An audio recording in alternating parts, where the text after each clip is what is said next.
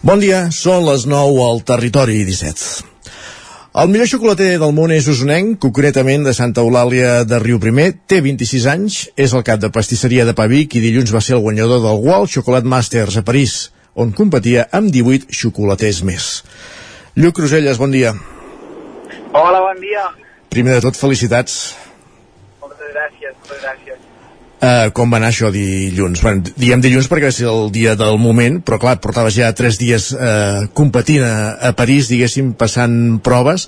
Com ha estat l'experiència? Bé, entre emocionant, uh, nervis, uh, no sé, molt potent, molt potent. Uh, hem viscut tots a, a flor de pell, ha estat, ha estat increïble, per sort també ha pujat molta gent d'aquí a la comarca i ho hem disfrutat, ho hem patit molt, la veritat, però, però hem disfrutat i el resultat acompanyat, per tant, un somni, la veritat. Uh mhm. -huh. Feia molt temps que, que ho preparaves, pràcticament des que fa un any que va ser escollit representant de, de l'estat espanyol, realment era una cosa que, com deies ara, un somni, que, que la preparaves des de feia molts dies i, i, amb, molta, i, i amb molta energia, amb molta força, eh, i, aquest, i ha estat el, el final esperat, diguéssim, no?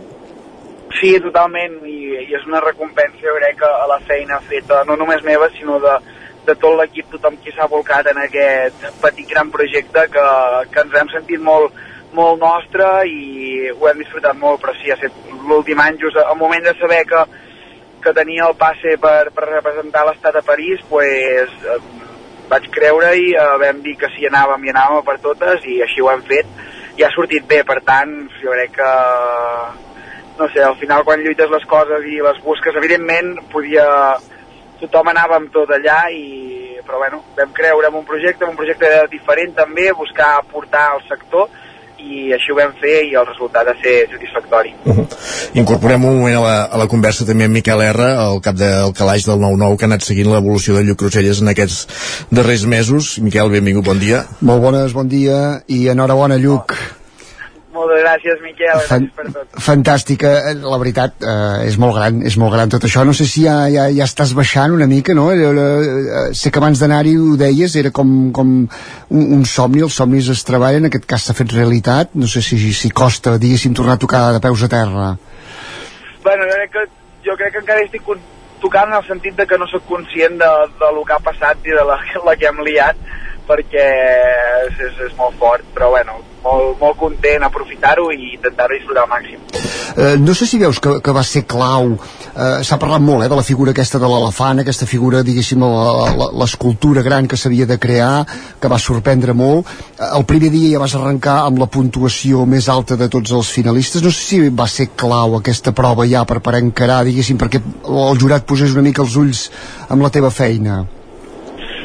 Que sempre amb aquest concurs, bé, no cada anys, però sempre el primer dia, la primera prova ja és l'escultura gran, um, i també jo crec que marca una mica el, el camí i al final és amb el que t'identifica la gent, perquè a les altres, el bombó, el postre i tot, uh, evidentment, eh, tot és important, però és, és entre cometes volàtil, perquè s'ho menja el jurat allò i desapareix, en canvi l'escultura queda exposada tots els dies allà, i jo crec, crec que és amb el que t'identifiques, no? una mica la teva feina i tot, i, i sí, va ser, va ser potent, va, que et sortís tot bé, hi havia risc, hi havia molt risc de, a l'hora de muntar-ho, però va sortir tot bé, va sortir tot impecable, estava molt neta. Haig de dir que és la vegada que, que em va quedar millor, per tant, contentíssim i, i sí que jo crec que va marcar un, un camí i, bueno, doncs, i, i poder dir, mira, som aquí i venim a fer aquesta feina i això ho defineix. Mm. Explica'ns una mica, parla'ns una mica de, de l'escultura, perquè abans deies, és un projecte una mica diferent al món de, de, la, xocolateria, de, de la xocolateria. No és només l'escultura, és tot el que hi va al darrere i que hi ha un rerefons, eh, i té una història amb rerefons, no? Sí, sí, sí, o sigui, tot, tot volia que tingués un sentit, tot tenia un fil conductor que era el, el dibuix aquest de, de la terra seca escardada doncs estava reflectit en totes les proves també per, per transmetre una mica de, de consciència no? de, de què estem fent i, i llavors doncs, el, el postre era una llavor doncs, també amb el missatge d'un brot verd d'esperança de que si cuidem una mica tot el que tenim doncs, hi ha esperança de que, de que tot anirà bé i, i és això, doncs, en totes les proves que tot tingués sentit, que tot tingués un per què, que tot tingués una explicació, no, no fer les coses perquè sí jo crec que és una, un punt important que, que també va tenir en consideració el, el jurat per, doncs perquè el producte no sigui un sol producte, sinó que tingui tot un valor afegit al seu voltant al final el, el jurat parlava, et situava una mica també ja com, com un exemple o com una icona de, de, de tota una nova generació de xocolaters. Eh, això és, no és molta pressió que, que et posen al damunt, diguéssim, en aquest aparador mundial? La veritat és que sí, i més de, de les paraules de Moriguixon, que és, és un, referent. Un, grans, un referent. Correcte. I eh, aquestes paraules eh, van ser increïbles però no pressió o, o no pressió en el sentit de pues, un reconeixement a, a la feina, per tant, seguir fent el mateix, eh, seguir apretant fort, creient en un camí que, que hi crec i, i seguir, seguir, seguir. Mm -hmm. Clar, i suposo que la pregunta és, és clau ara, no? I ara què, no? Perquè és un projecte que has estat això tot un any preparant-te'l, eh, objectiu assolit, no sé si hi ha reptes immediats, eh, com, ho planteges en, en aquest moment? Ara mateix, evidentment, primer de tot digerir-ho i assimilar-ho perquè no sóc ni som conscients de, de tot plegat, però llavors sí que haurem de marcar un, un full de ruta, ho vaig dir molt clar d'un bon principi, uh, la meva seu, casa meva, és, és Pàvic, és, és qui m'ho ha donat tot i per tant tot això no sempre Ara tenim alguns Caram. problemes de connexió. Ara sí, ara no, no hem perdut en Lluc un... Ara, perdona, Lluc, t'havíem perdut un moment. Deies, deies que la teva seu era Pavic. Eh, pots continuar a partir d'aquí. La meva seu és Pavic, ho tinc eh, claríssim. Eh, és qui m'ha donat tot. Osona en general, eh, al final és qui, qui ha cregut en mi. Per tant, els meus peus seran aquí, però evidentment eh, de la mà que eh, bueno, decidirem el, el que hagin de decidir i, i ho aprofitarem al màxim. El més important és que que hagi passat això ho hem d'aprofitar, ho hem d'exprimir al màxim i, i sobretot jo crec que el, el que estic més content d'això és ara pues, tenir una alta veu una mica més gran per, per aproximar el que és la, la pastisseria i la xocolateria uh, a totes les persones de, de peu de carrer, de que jo crec que falta molta formació a nivell de, de pastisseria, de què és un bon pastís i què no, què és un bon tortell de reis i què no, què és una bona xocolata, un bon torró. Crec que aquesta formació, aquesta pedagogia de, de saber els perquès de les coses, crec que, crec que és molt important i, i, i una feina més que, que tindré ara. No, no sé com passes en aquests moments, si estàs en camí de tornada, quan, quan tens previst arribar aquí a la comarca? Ja hi és. Vaig arribar ahir a la nit, ahir a la nit vaig arribar. Ah, així, així jo anava despistat. A les 12 de la nit, he dormit 4 hores, hem descarregat el camió al matí i estic anant cap a Barcelona. Vull que res, no pares. Uh, aprofitant-ho, aprofitant-ho. Molt bé. Déu-n'hi-do la rebuda que també uh, al teu poble, Santa Eulàlia, que et van seguir, la, la, com es va seguir amb l'emoció que es va seguir, com, com... El desplegament que hi havia a París, també, déu-n'hi-do. El desplegament a París, vull dir que és això que deies, eh, que t'has sentit també molt estimat en aquest sentit. Molt, molt, molt, i el que em fa més feliç és, és que tothom s'ha sentit seu, tota la gent de París super emocionada, jo crec que serà un record per, per tots, ja, tothom qui ho ha viscut serà un record brutal i, uh, i ja està, o sigui, crec que el millor dels somnis és compartir-los i aquest l'hem compartit entre tots. Lluc Cruselles, enhorabona de nou eh, gràcies per ser avui al Territori 17 i anirem seguint tot això que, que ve a partir d'ara després d'haver guanyat aquest concurs el World Chocolate Masters dilluns a, a París. Enhorabona de nou i gràcies. Moltíssimes gràcies. Enhorabona, una abraçada. I eh, comença aquí, comencen aquí. Hem començat el Territori 17 amb aquesta entrevista a Lluc Cruselles i el que fem és ara continuar. Ens actualitzem amb les notícies més destacades de les nostres comarques. Territori 17.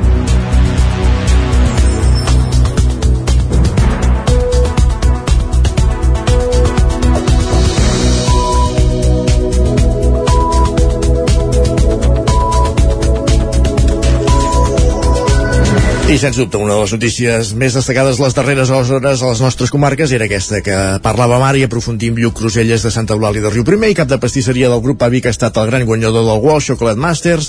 Es tracta del prestigiós certamen que convoca la marca Cacau Berry per coronar el millor xocolater del món. Cruselles, únic representant de l'estat espanyol, era un dels 18 finalistes participants dilluns a París i passades les 7 de la tarda es donava a conèixer el veredicte proclamant el xocolater usonenc com a guanyador. Sergi Vives. Cruselles, que després del segon dia ja es va situar entre els 10 superfinalistes, es va imposar amb un total de 434 punts per davant d'Antoni Carreric, de França, que en va sumar 405, i Nicolás Nicolapoul Poulos amb 404. Lluc Cruselles ha estat tot un any preparant-se per afrontar les proves des de que l'octubre de l'any passat es va confirmar la seva candidatura com a únic representant de l'estat espanyol.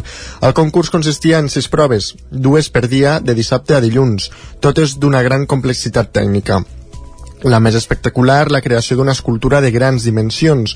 Cruselles hi va presentar l'elefant de 3 metres d'alçada i més de 220 quilos de xocolata. Era l'única peça que podia portar a París, mig elaborada des de Vic, i allà completar-ne el muntatge en directe. Aquest muntatge també el va fer eh, mereixedor del Premi Aparador. Per preparar el concurs es va envoltar d'un equip encapçalat pels pastissers i professors de pastisseria Sarai Ruiz i Enric Monzoris. Acabat de fer públic el veredicte, Crusella recordava aquest any de treball. Infinites gràcies a tots els que sou aquí, a tothom, a tothom qui s'ha sumat a aquest petit gran projecte. Perquè sabeu com ho he viscut, ha estat un any increïble, que m'he sentit ajudat per tothom. Ho hem fet, ho hem fet entre tots i res més a dir. Que ho hem guanyat i ho hem disfrutat tots, ho hem viscut. Hem passat un cap de setmana genial res més a dir, els que sou a casa també, els que sou a, a Riu Primer, a la Casa Cultura, gràcies per ser-hi també. A tothom, mil gràcies. Merci. A les sis proves que va fer dissabte a dilluns s'hi destilava un relat comú, el de el de prendre consciència de com estem tractant el planeta. Les altres proves consistien en l'elaboració d'una escultura més petita, unes postres, un bombó de xocolata, un snack i un petit fur. Fur. El jurat en va destacar la curada tècnica, l'emotivitat i l'esperit d'innovació d'un Cruselles cridat a esdevenir icona d'una nova generació de xocolates. Canviem de qüestió, anem fins al Vallès Oriental. Quatre ferits per arma blanca i nou persones detingudes en una baralla la matinada de l'1 de novembre al barri de Santo Domingo de Sant Feliu de Codines, que era el campàs zona codinenca. Els fets segons van relatar diversos veïns a una codinenca van passar cap a quarts de sis del matí entre els carrers Sant Jordi i d'Alfons Cerdà i van participar més d'una desena de joves. El cap de la policia local de Sant Feliu de Codines, Carmelo Garrido, explicava que no se sap el motiu que ha desencadenat la baralla, però que es va produir quan els joves sortien d'una festa en una casa particular. Els detinguts van ser traslladats a la comissaria dels Mossos d'Esquadra de Granollers, acusats de delictes de baralla tumultària i lesions i de moment s'han obert diligències i estan a l'espera de passar a disposició judicial. Es tracta de joves d'entre 18 i 25 anys i hi ha també un menor d'edat. La meitat d'ells, segons l'alcaldessa Mercè Ferrotacó, tenen domicili a Sant Feliu i la resta a d'altres municipis veïns. Entre les persones ferides n'hi ha tres que tenen talls a l'esquena, a la cama i a la mà i la resta contusions, però segons Mossos d'Esquadra no es tem per la vida de ningú. Fons de Mossos d'Esquadra han explicat a una codinenca que en el moment de la detenció també es van comissariar quatre navalles i un pal. El cap de la policia local confirmava també que es van trobar unes bosses amb petites quantitats de hachís i un telèfon mòbil.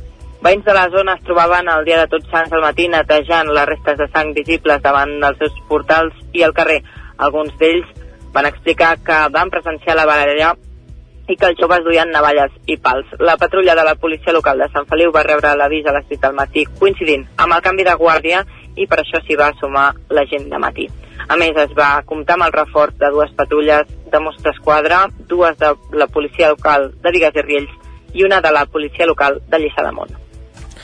Gràcies, Caral. Més qüestions encara a la pàgina de successos. Quatre detinguts per un robatori en força en una desena de vehicles de la Roca Village, a la Roca del Vallès, al Vallès Oriental. Pol Grau, Ràdio Televisió, Cardedeu. La Guàrdia Urbana de Barcelona va detenir aquest diumenge quatre persones i n'investiga tres més per un robatori amb força en 10 vehicles, al centre comercial de la Roca Village. Les víctimes dels robatoris van seguir els lladres fins a Barcelona, gràcies al senyal GPS d'un dels telèfons mòbils robats. Segons fons municipals, la policia els va interceptar a l'interior d'un aparcament de la via Favència, a Barcelona, després de veure que uns individus estaven perseguint uns homes. Van trobar bosses i maletes amb les coses que van robar dins d'una furgoneta, després de que una de les víctimes fes una trucada a un dels mòbils robats per acabar de localitzar on tenien amagades les pertinences. La intervenció de la policia local barcelonina de l'aparcament de la Via Favència al barri de Trinitat Vella va permetre detenir quatre persones, que continuen detingudes, identificant-ne tres més. I el Ripollès obrim pàgina política perquè Can Bànol apuja les ordenances fiscals pel 2023 i en destaca l'increment del 20% de la taxa d'escombraries. Isaac Muntades, la veu de Sant Joan. L'Ajuntament de Camp de Bànol va aprovar les ordenances fiscals per l'exercici 2023 en el ple extraordinari del passat dijous amb els únics vots a favor de l'equip de govern de Junts per Camp de Bànol. La CUP va votar-hi en contra i Esquerra Republicana es va abstenir. El regidor de Serveis Econòmics, Lluís López, va explicar que l'augment dels costos de l'energia i la impossibilitat de quadrar el pressupost obligaven a pujar les ordenances. La que patia un increment més destacat era la taxa d'escombraries, que augmentaven un 20%, passant de 128 a 153 euros anuals pels habitatges abonant dos semestres. Les comercials no augmentaven. López va explicar el motiu d'aquesta pujada tan abrupta. Augmentem aquesta taxa perquè el Consell Comarcal també ens va enviar un estudi de costos en la qual se'ns incrementava en 42.000 o 43.000 euros al servei per aquest any 2023. L'any passat ja varen fer un esforç en destinar una subvenció de cara a no pujar aquesta, aquesta taxa, però és que mm, aquesta taxa cada cop és més car abocar el residu, sobretot el residu el que és de rebuig. López va admetre que cal replantejar-se el model de recollida de residus de cara al futur. El cap de l'oposició d'Esquerra Republicana, Toni Riera, va recordar que Can Davant l'any 2020 va llançar un 53% dels residus a l'abocador i que els serveis s'han encarit de 291.000 a 316.000 euros en només dos anys. A més a més, va denunciar que els 54.000 euros destinats al pla de reactivació econòmica per pal·liar els efectes de la Covid es van utilitzar per camuflar la pujada de l'any passat. Mariona Baraldés, de la CUP, va proposar penalitzar els locals comercials buits amb un increment del rebut de les escombraries. Riera es va mostrar satisfet que s'incorporés la proposta de bonificar el 50% de l'IBI per a la instal·lació de plaques fotovoltaiques, però va dir que pel context social no s'havien de pujar impostos. L'IBI urbà s'apuja un 13% amb una recaptació de 741.000 euros. Els visitants al torrent de la Cabana passaran de pagar de 5 a 10 euros i la quota de manteniment del cementiri passa també de 20 a 25 euros, dues coses que a Riera li van agradar. Tot i que les tarifes públiques del torrent de la Cabana, entre altres, són un punt que veiem bastant favorable. O l'increment de la taxa del cementiri, que de fet és per utilitzar-la per fer el seu manteniment, que fins ara deixa molt a desitjar. I estarem amatents per si se solucionen molts dels desperfectes que visualment es veuen i realment creiem que és una llàstima en un espai com aquest. L'ordenança dels gossos també es va pujar i va passar de 15 a 20 euros per tenir un d'aquests animals i de 38 a 50 per si era d'una raça potencialment perillosa. Baraldés va titllar-ho d'injust. Des de la CUP no veiem amb bons ulls que s'hagi pujat tant el fet de tenir un gos potencialment perillós. Vull dir, crec que l'Ajuntament per lo que ha de vetllar és perquè la gent que té aquest tipus de gossos tingui tota la documentació i els, les assegurances i tot el que sigui, però pujar una quota amb un tipus de gos que no poden ni entrar al correcant, per tant no es poden ni, de, ni beneficiar d'un servei que hi ha per gossos en el poble, doncs ens sembla que no és correcte. Al poble hi ha poc més d'una decena de gossos perillosos. També es van apujar els preus de la piscina, el de llicències urbanístiques o autosos privatius a sales municipals. La nova associació Acció Trans tanca els actes del han anomenat l'Octubre Trans amb una concentració a la plaça Major de Vic amb una quinzena de persones, Sergi Vives. L'objectiu era reivindicar el Dia Internacional de la Despatot despatologització trans i ho feien davant de l'Ajuntament i sota de la bandera trans que es va penjar per primera vegada al balcó. En l'acte es va llegir un manifest en què es va reclamar qüestions pendents de resoldre del col·lectiu. Es tracta de reivindicacions referents al treball o a l'accés a l'habitatge.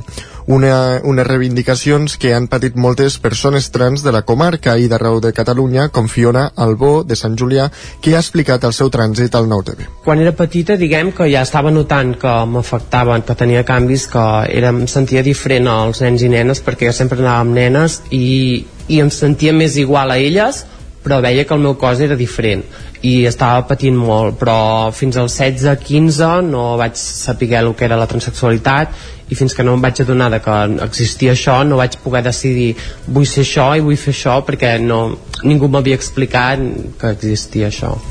Algo manifestava que falten especialistes en aquest àmbit a la comarca per tal de fer front a les necessitats i fer que aquestes persones no vagin no hagin de uh, marxar obligadament a Barcelona on segons ella allà està tot més avançat. Falten molts especialistes en aquest àmbit, o sigui, gent que es dedica, que comenci a estudiar això, molta informació i en l'àmbit eh, de salut i, i mental també, perquè és això, la comarca aquí em trobo que molta gent no està especialitzada en aquests temes i, i, so, i per això al final tothom acaba anant a les ciutats com Barcelona o així perquè estan com més avançat tot i amb aquella lluita que va iniciar de ben petita i que va seguir en l'adolescència continua avui. Amb l'activisme espera poder ajudar les noves generacions que van venint.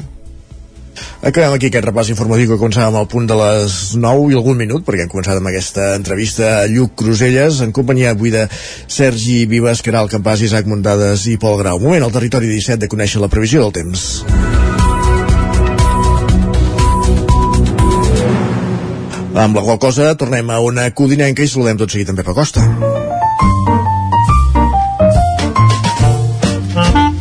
Casa Terradellos us ofereix el temps. Doncs després de la castanyada, després del dia de Tots Sants, recuperem la veu d'en Pep Acosta. Pep, benvingut, bon dia. Molt bon dia.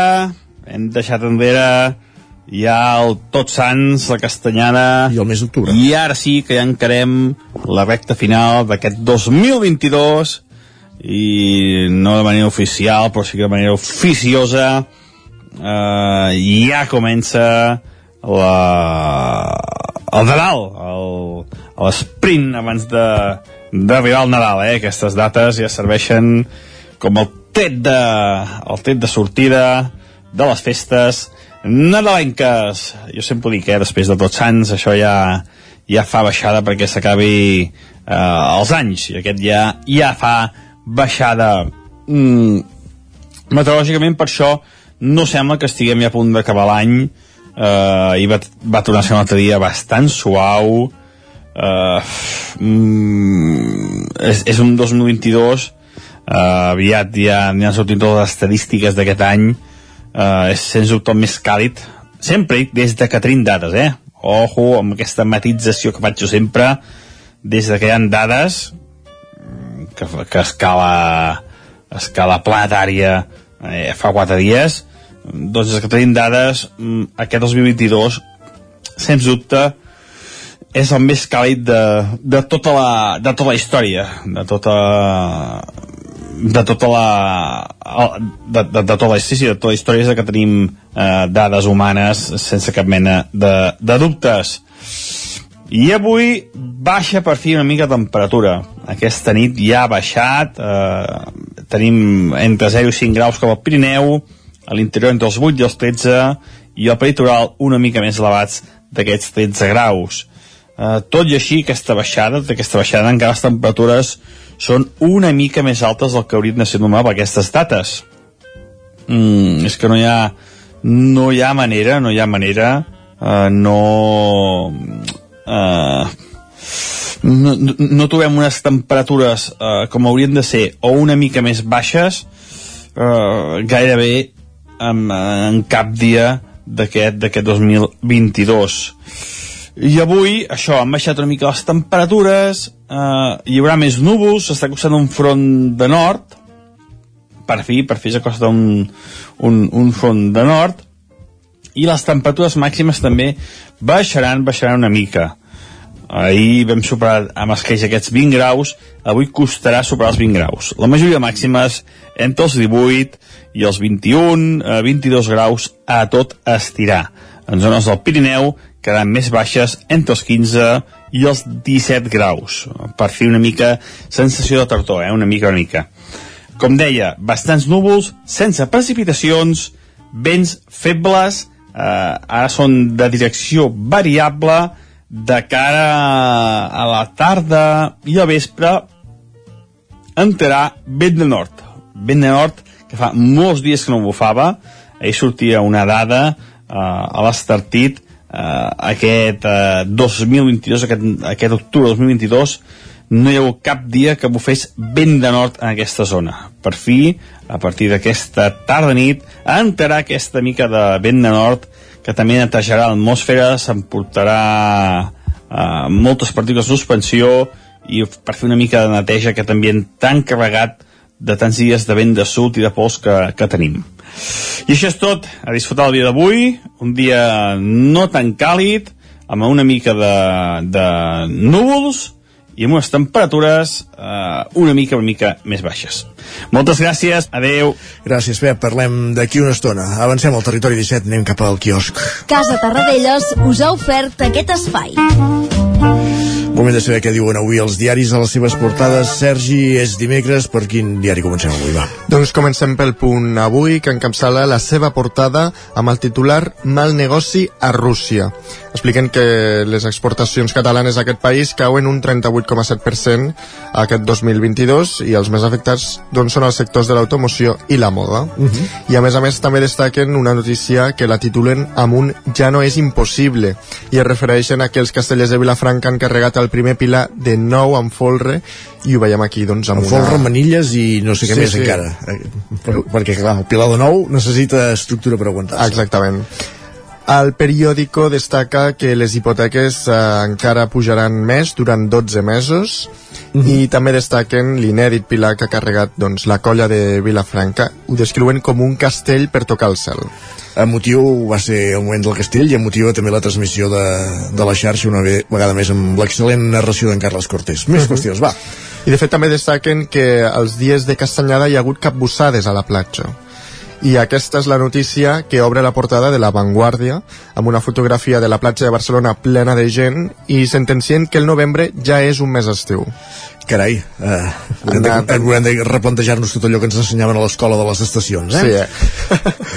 I per altra banda, doncs, destaquen que Bolsonaro es resisteix a reconèixer a Lula, però que accepta deixar el poder.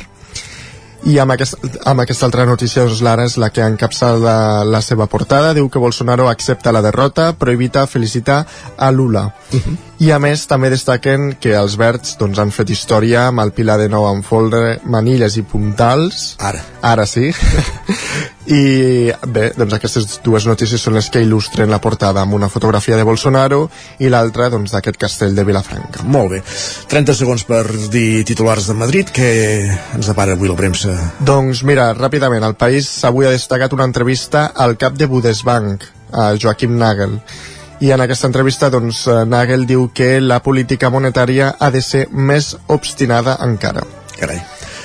I l'ABC destaca que la mare eh, assassina de l'Olivia es va emportar dos vegades la seva filla sense permís. Uh -huh. Un cas de madricidi.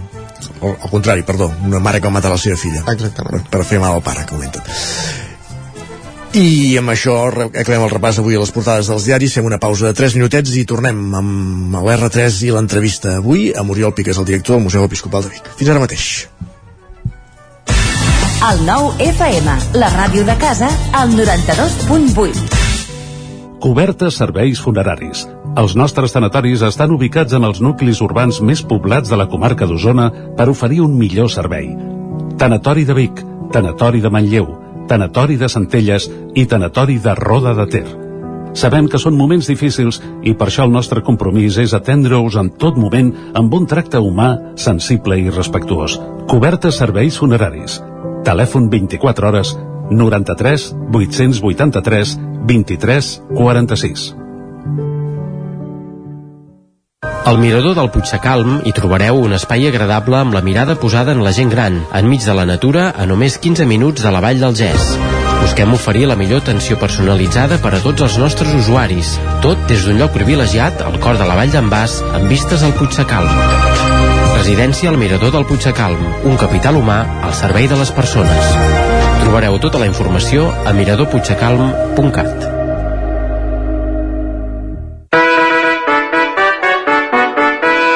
Diumenge 6 de novembre torna la Fira d'en Roca Guinarda a Olost. Aquest any arriba el rei. Arriba! Olost es transformarà al segle XVII, amb bandolers, barjaules, pillets i molt, molt, molt d'humor. Entra dins la llegenda. A carn! A carn! Amb Pradell estalvio energia i cuido la meva butxaca i el medi ambient. Posa't en mans a Pradell, són experts en calderes de gas i condensació, estufes de pelat, energia solar, terres radiants i geotèrmia.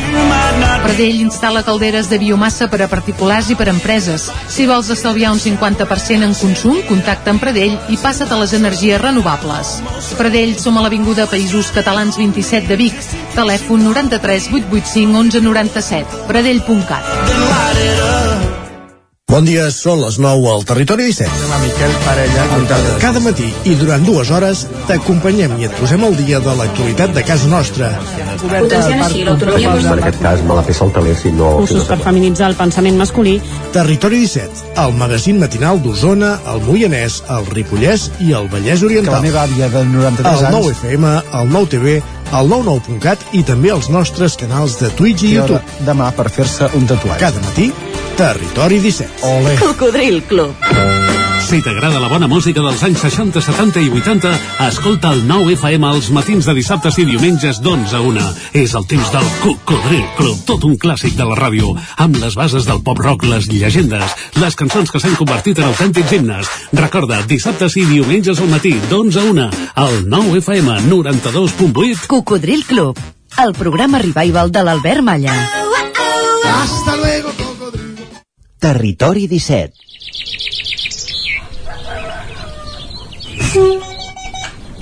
A Tren d'Alba. Cada dia els usuaris i usuàries de la línia R3 de Rodalies que veuen sortir el sol des d'un vagó ens expliquen les gràcies i les penes del primer comboi que uneix Ripoll i Barcelona o les feixugues jornades amb el tren després de treballar. Benvinguts a Tren d'Alba. El col·lectiu Perquè no ens fotin el tren es demanava que gairebé un mes pel pont de desembre no sabia si el Departament de Territori i Rodalies tenia previst tornar a programar el tren blanc, el servei ràpid de Rodalies els caps de setmana i festius de la temporada de neu perquè qui vagi a esquiar ho faci en transport públic. L'any passat, quan el dia 6 de desembre, coincidint amb el pont de la Puríssima, no s'havia restituït el tren blanc, ho van denunciar l'aleshores conseller i vicepresident Jordi Puigneró i Renfe, que van retreure's mútuament la supressió. El col·lectiu desitja que aquest any, amb més marge de temps, comptin amb el servei des del primer dia. Veurem. Cada cop queda menys perquè comenci la temporada d'esquí i no sabem massa què acabarà passant. Va, ens retrobem demà amb més històries del tren i de l'R3. Territori 17, el 9 FM, la veu de Sant Joan, Ona Codinenca, Ràdio Cardedeu, Territori 17. Un minut que passen de dos quarts de deu al matí, anem a l'entrevista.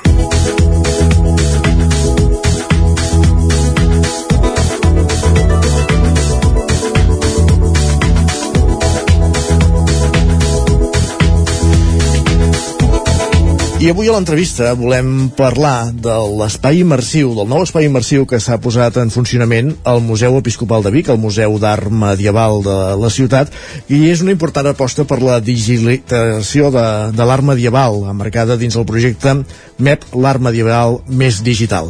De tot plegat del projecte de la sala immersiva que ja està operativa al Museu Episcopal de Vic, en parlem amb el seu director, Oriol Piques. Bon dia, benvingut. Bon dia, Isaac. Com estem? Doncs eh, molt bé, molt contents eh, amb el nou espai. Mm. Contents de celebrar bones noves com aquesta, no? Posar en marxa un equipament d'aquestes característiques que, que no és senzill, entenc, eh? Uh, no, eh, de senzill no, no ho és. Eh? És un projecte, uh, com has dit, que s'emmarca dintre del, de l'art uh, medieval més digital, uh, que puja a mig milió d'euros, uh, que no és poc, Eh? Sort que ens ajuden les institucions, la Generalitat de Catalunya, la Diputació de Barcelona en aquest cas, però nosaltres el museu ni aporta la, la meitat. Mm?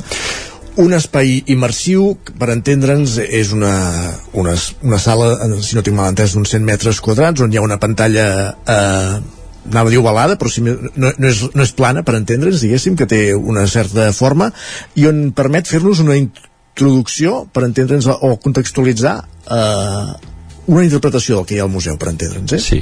A veure, primer tenim, per una banda, l'espai immersiu, que com has dit, és un espai és immersiu gran, de fet és el més gran dels museus catalans en aquests moments, són 100 metres quadrats, i la pantalla és corba. Uh, aquesta pantalla corba sí que és una novetat, no n'hi ha cap altra a Catalunya. Eh? L'espai immersiu de referència que hi ha actualment és a Barcelona l'ideal, és cúbic, eh? és molt més gran, això sí, però es mou tot en pantalles planes. El nostre és corba. Això què permet? Una experiència immersiva eh, molt intensa. Això és per una banda, eh? tenim l'espai. Però per una altra tenim és un espai com de, de producció i d'exhibició d'audiovisuals. Llavors, la primera producció, eh, avui fa mil anys, eh, et porta això que estàs dient, Isaac, d'aquesta experiència immersiva de posar en context. De fet, què veiem en aquesta primera producció? Doncs veiem allò que no hem vist mai i sobretot els bigatans i la gent de, de la comarca propera, eh, del Moianès, tot el que estan aquí a prop. Uh -huh. Per què? perquè la veiem, veurem la catedral romànica de Vic restituïda, una gran catedral feta per, construïda pel bisbe Oliva, sí. però com que Vic prosperava en el segle XVIII doncs va considerar que era un edifici antic i que l'havia de renovar va, i el va aterrar només ens queda el campanar ens queda la canònica i ens queda la cripta eh, molt poquet però, però gràcies a les excavacions que va fer Eduard Junyent sa sabem eh, que era d'una planta única i podem fer aquest treball que els museòlegs han fet de restitució i de projectar com podia ser aquesta catedral. Per tant, aquest espai immersiu el primer que fa és portar-nos a, a l'origen d'aquesta catedral de, de Sant Pere de Vic. Ens porta a l'origen, exacte, eh, eh, i ens porta eh, a una cosa que segurament restitucions ja se n'han fet, però normalment de l'espai exterior per veure la volumetria arquitectònica. Ara fem una altra cosa, que per nosaltres és especialment interessant, com a museu. Entrem dins la catedral. I el fet d'entrar dintre la catedral ja no és tant, veiem l'espai arquitectònic de dintre, però sobretot el que veiem és tot allò que hi havia. Mm? Veiem les pintures murals, veiem una possible majestat que hi podia haver-hi, veiem l'altar parat, eh, veiem la, la Mare de Déu, o sigui, i ho, pos, i ho veiem tot en el seu context. Eh? Això és molt important, perquè els museus tenim aquestes peces de dintre, eh? uh -huh. afortunadament les tenim perquè si no, al finals de, del 19, començaments del 20, moltes s'haurien perdut aquestes, aquestes obres, estaven disperses pel Pirineu, amenaçades de tot, d'expoli, del mercat de l'art, eh, dels iconoclastes de, de, de, i per tant tenia molts, moltes amenaces acumulades i això els museus recollim però el problema que tenim els museus és que ho tenim fora de context ho posem i ho presentem de manera en certa manera amb la lògica de pinacoteca mm? uh -huh. per tant i en un moment que, la, que tots nosaltres anem perdent la nostra la cultura religiosa que algú que nosaltres com a museu ens situem, tornem a posar, a reconstruir el temple i tot el que hi ha, ajuda molt a entendre a les persones que ens vinguin a visitar el que veuran després. Uh -huh. uh, aquesta immersió es fa a través d'una història veiem la catedral però veiem altres coses i és una història uh, que, que té uns protagonistes no diguéssim té sobretot un protagonista eh? Eh, no sé si hem de fer spoilers però bé, donar algunes pistes Alguna pista, algunes sí. pistes que penso que és interessant sí. eh, quan es construeixen eh, catedrals com la de Vic eh, la mitjana o després moltes altres a Europa es triga molts anys i hi ha molts professionals que hi treballen al seu voltant escultors, picapedrers, pintors arquitectes en obres de tot no? Uh -huh. i per tant s'estableixen perquè passa molt temps i el que sabem és que a Vic hi havia eh, tallers de pintors i en aquest cas el que tenim és un nano jove un aprenent que està en un taller de pintor proper a la catedral i eh, la trama és que oblida els pinzells, diu ai que el mestre s'enfadarà i se'n va cap a la catedral a recuperar-los. Quan entra veu tot el parament, la catedral està buida i a partir d'aquí doncs té l'experiència de veure com era una catedral romànica en aquell moment mm? uh -huh. nosaltres tenim la visió normalment que les esglésies quan veiem les esglésies romàniques eh? anem al Ripollès, anem al Moianès tenim pel Vallès, sí, sí. eh, per tot normalment les veiem monocromes veiem uns edificis molt bonics de pedra vista i que poca cosa més hi ha la realitat era una altra mm? a dintre uh, estan molt, molt decorades molt pintades amb molt color Sí. I això és una de les coses que en l'experiència immersiva és com si entressis dintre d'aquestes d'aquestes esglésies que les veiem així, d'un sol color eh, en pedra, les veiem totes elles eh, vestides. vestides. Qui pot ve, veure, eh, qui pot gaudir d'aquesta experiència, diguéssim, el visitant que, que, que ve a fer la visita estàndard al que és la, el museu, eh, queda inclòs dins de la visita aquesta, aquesta sala o com funciona? Quin serà el, el funcionament per, per gaudir d'aquesta experiència immersiva? Doncs sí, és gratuïta. De fet, està inclosa dintre el peu de l'entrada. I fins i tot per nosaltres és molt important que hi entrin, que comencin la visita veient aquest espai immersiu, perquè es veuran aquest context, podran entrar dintre, entre cometes, dintre de la, de la catedral de Vic i identificaran obres que després les poden trobar a dalt al museu. Quedi clar, eh, quedi clar, les obres que es veuen són reproduccions, restitucions d'obres que hi ha al museu però la majoria no són de la catedral de Vic podrien, la iconografia, l'estil, etc, podien haver estat de la catedral de Vic però moltes no ho són. Això ho diem molt clarament, i al final de l'audiovisual es presenten totes les obres que hi ha del museu que han estat restituïdes a dintre mm? uh i que la, el públic després les podrà descobrir en, la, en les sales del museu comparar-les amb obres semblants veïnes i fer aquesta experiència eh, de, de contacte amb les obres d'art que és al final el que més ens interessa a nosaltres que tothom en tingui una vivència el més intensa possible molt bé.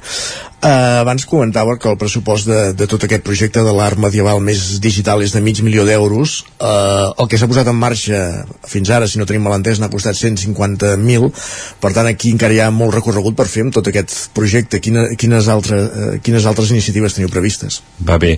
De fet, la sala immersiva ha costat una miqueta més. Uh, per què? Perquè hem canviat l'emplaçament. Inicialment estava un emplaçament més reduït. Hem pensat que és una eina educativa molt poderosa i és important que hi capigués eh, el grup classe, per exemple, unes 30-35 persones i que l'experiència fos més envolvent i, i, i d'un format més gran. Mm?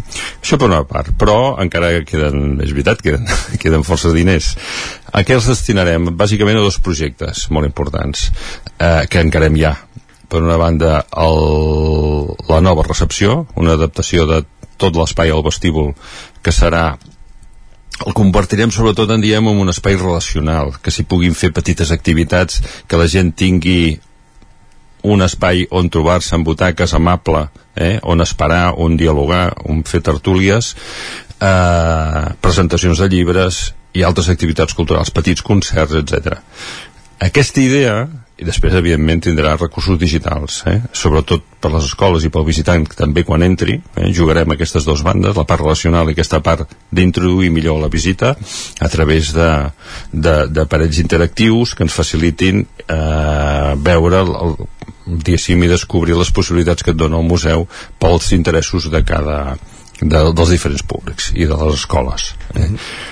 després, aquesta és, una, és un dels projectes i l'altre projecte és la nova web la nova web és important perquè no és solament modernitzar el format, l'aspecte, sinó que serà un gran contenidor de relats i de continguts que ha interessat tant al públic virtual com en el públic uh, presencial. Uh -huh. uh, també el volíem demanar per ens ha baixat la pregunta però en tenim d'altres.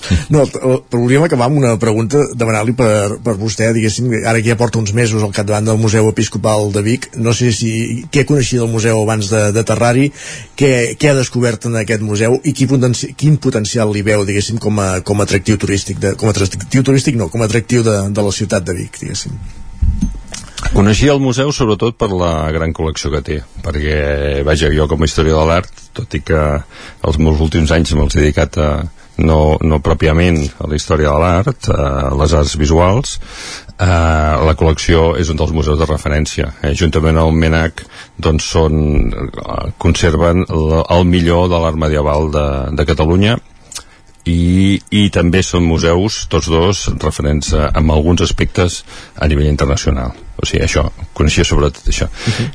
Coneixia uh, les últimes trajectòries que havia fet uh, al capdavant de Josep Riba, de Josep Maria Riba, que era l'anterior director i el seu equip, i aquesta obertura, eh, no solament a conservar la col·lecció, sinó ja actuar, diguéssim, buscant el retorn social als altres públics.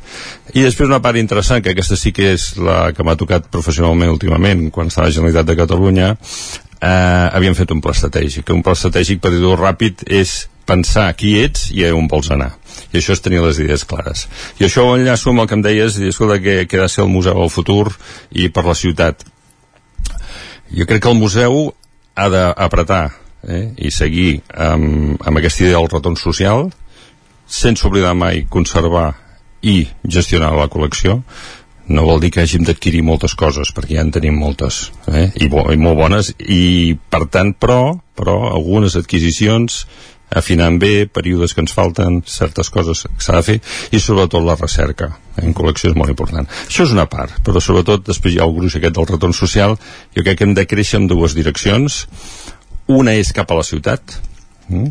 i cap a la ciutat ja ens hi hem posat eh? el que et comentava de la, per exemple la recepció té molt a veure amb la ciutat pensa que les, els museus si comparéssim una comparació una mica, burra, una mica així extrema eh? però respecte al que seria un equipament cultural com un teatre eh, el teatre cada cap de setmana fa una, una promoció dif diferent. El museu no. Eh, sempre, la sala permanent almenys sempre té, està programant el mateix. No? Per tant, eh, els ciutadans que estan allà al costat de, del museu normalment, clar, hi van una vegada i, el, hi van al cap d'uns anys. No? Per tant, però, sí que pot fer coses al museu amb això. I aquesta idea de la recepció com petit espai cultural que passen eh, coses en el dia a dia i sovint és un atractiu per la ciutat i això està pensant molt per la ciutat mm. tenim altres idees eh? amb l'Ajuntament estem col·laborant molt volem que la plaça apretem perquè sigui més amable vidriarem la recepció per donar-li més transparència i aquest és el front respecte a la ciutat ara bé, com a museu que és d'interès nacional considerat per la Generalitat de Catalunya tenim l'obligació d'anar més enllà de la ciutat eh, i d'Osona. Uh -huh. i per tant ens toca sobretot eh, buscar el públic de l'àrea metropolitana i de Barcelona i els públics internacionals. En aquest sentit doncs bé, hem d'apretar tant amb la promoció turística i ens hi estem posant com eh, atendre més eh, i conèixer més quines són les necessitats les expectatives, les inquietuds dels públics per buscar aquesta connexió eh? el, que, el lema que en diem som un art de connexió entre la contemporaneïtat i el que passava a l'edat mitjana per captar perquè la gent comprengui, visqui més al museu ja per acabar ja m'ha tornat la pregunta que li volia fer abans. Uh, no, anava relacionada amb, el, amb la sala immersiva i amb els audiovisuals perquè com deia, ja, ja hem parlat d'aquest primer audiovisual que, que hi ha. L'idea és que n'hi hagi se n'hi vagin afegint a la col·lecció n'hi hagi més, més endavant se'n produeixin de nous. Quin, quin és el plantejament? Efectivament, exacte, ho has dit molt bé. Dir, la primera producció és aquesta, avui fa mil anys però eh, el nostre desig és que n'hi hagi molts més és, és car, eh? produir amb, amb experiència immersiva eh, no, no és senzill però anirem buscant recursos i sobretot més que recursos que anar a buscar subvencions etc ens interessa anar buscant partners persones, institucions que poden estar interessades en coproduir, en estar en projectes pensa que és això diguéssim, l'experiència digital és una porta d'entrada hm? A, a moltes de les, de, de les obres del museu i que cada vegada més la tendència és coneixent i tenint en compte els diferents públics que tenim atendre i crear relats, històries temes, centres d'interès diferents en base d'aquests públics. Amb el primer posem l'accent en conèixer l'interior dels que en posar context. En el futur pensem altres relats qui diu sobre la medicina medieval i les epidèmies, qui pot parlar sobre les vides, la mort i la, i la, i les i la, i l'experiència que hi havia en aquell moment a la mitjana, les vides dels sants, els mites, etc. Eh? Per tant, eh, sí, sí, sí, clarament eh, la nostra intenció és seguir produint eh, produccions per l'espai immersiu i n'anirem parlant. Oriol Piques, director del Museu eh, Episcopal de Vic, Museu d'Art Medieval, moltíssimes gràcies per ser avui al Territori 17 i parlar d'aquesta nova iniciativa, d'aquest nou espai immersiu que s'ha posat en marxa al museu. Gràcies i bon dia. Molt bé, gràcies a vosaltres per atendre'ns i que tingueu molt bon dia.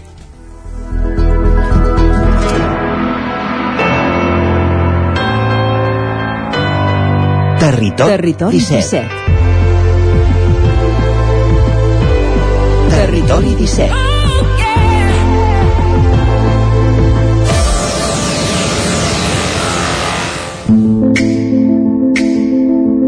Sisè Premi de Narrativa Curta La Gralla al 9-9, amb el suport de la institució Puigporrets. Sisè Premi Narrativa Curta La Gralla al 9-9, un animal polític, de Núria Ferrer Valenzuela, de Granollers.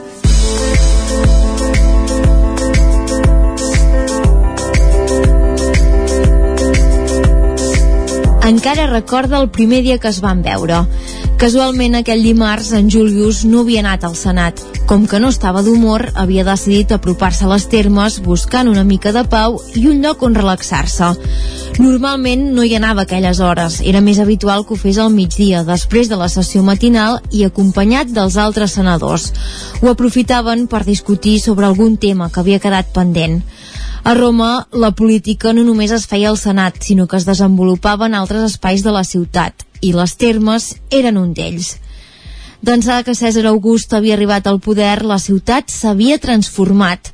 D'una banda, s'havia convertit en un lloc més segur a reforçar la vigilància al carrer, creant la guàrdia pretoriana i posant en marxa les rondes nocturnes.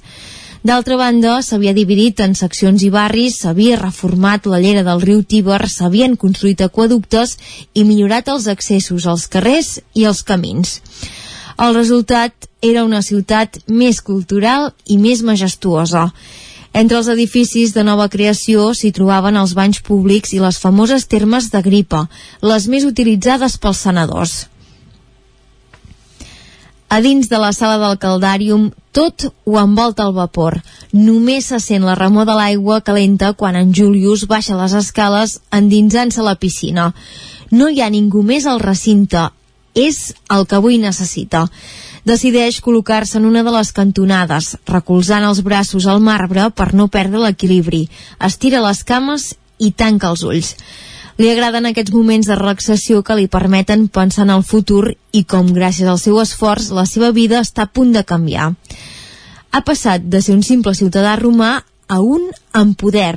En unes setmanes la Clàudia serà la seva dona. Tot just acaba de complir 16 anys i, malgrat la seva joventut, és una dona atractiva, de cabell ros i ulls verds. A la seva família les dones són molt fèrtils i s'espera d'ella que ben aviat compleixi amb la seva funció i li doni molts fills. En Julius sospira ben fort. Sap que no n'està enamorat, però amb aquesta unió i les seves maquinacions aconseguirà tot el que sempre ha somiat, pujar l'estatus social i ser polític de Roma. De cop i volta sent que entra algú, però decideix que no vol obrir els ulls. Estava tan a gust amb aquest silenci. Pensa. Tota l'estança s'omple del soroll que fa l'aigua quan cau a terra i dels gemecs de ple que emet el visitant en sentir l'escalfor relliscar per la seva pell. Atret per aquests gemecs, es gira cap a la zona seca de la sala i observa atentament l'esquena, els glutis i les cames ben musculades de l'home que acaba d'arribar. Es nota que utilitza el seu cos per treballar i deu fer-ho a l'aire lliure pel to de la seva pell, pensa en Julius, sense poder deixar de mirar-lo. No és habitual en ell sentir-se fascinat pel cos d'un altre home, però avui no entenc què li passa. No és capaç de treure-li els ulls de sobre. El visitant continua amb el brunyiment del seu cos i mentre s'estén l'oli per la pell, l'aroma lavanda arriba a les fosses nasals d'en Julius, que observa l'espectacle sense perdre's cap detall. L'home gira i els seus ulls es troben. Les pestanyes llargues envolten els intensos ulls verds dels visitant, que llueixen com el mar a l'estiu en el seu rostre. El cabell moll li cau fins a les espatlles. La mirada d'en Julius continua recorrent el seu cos i es dirigeix cap als braços tornejats, on descobreix el tatuatge que porten els soldats romans. Analitzant-lo amb més deteniment, el reconeix és en Plinio, capità d'una de les legions romanes. Ha sentit al fòrum que acaba de tornar de la guerra, on ha aconseguit grans victòries.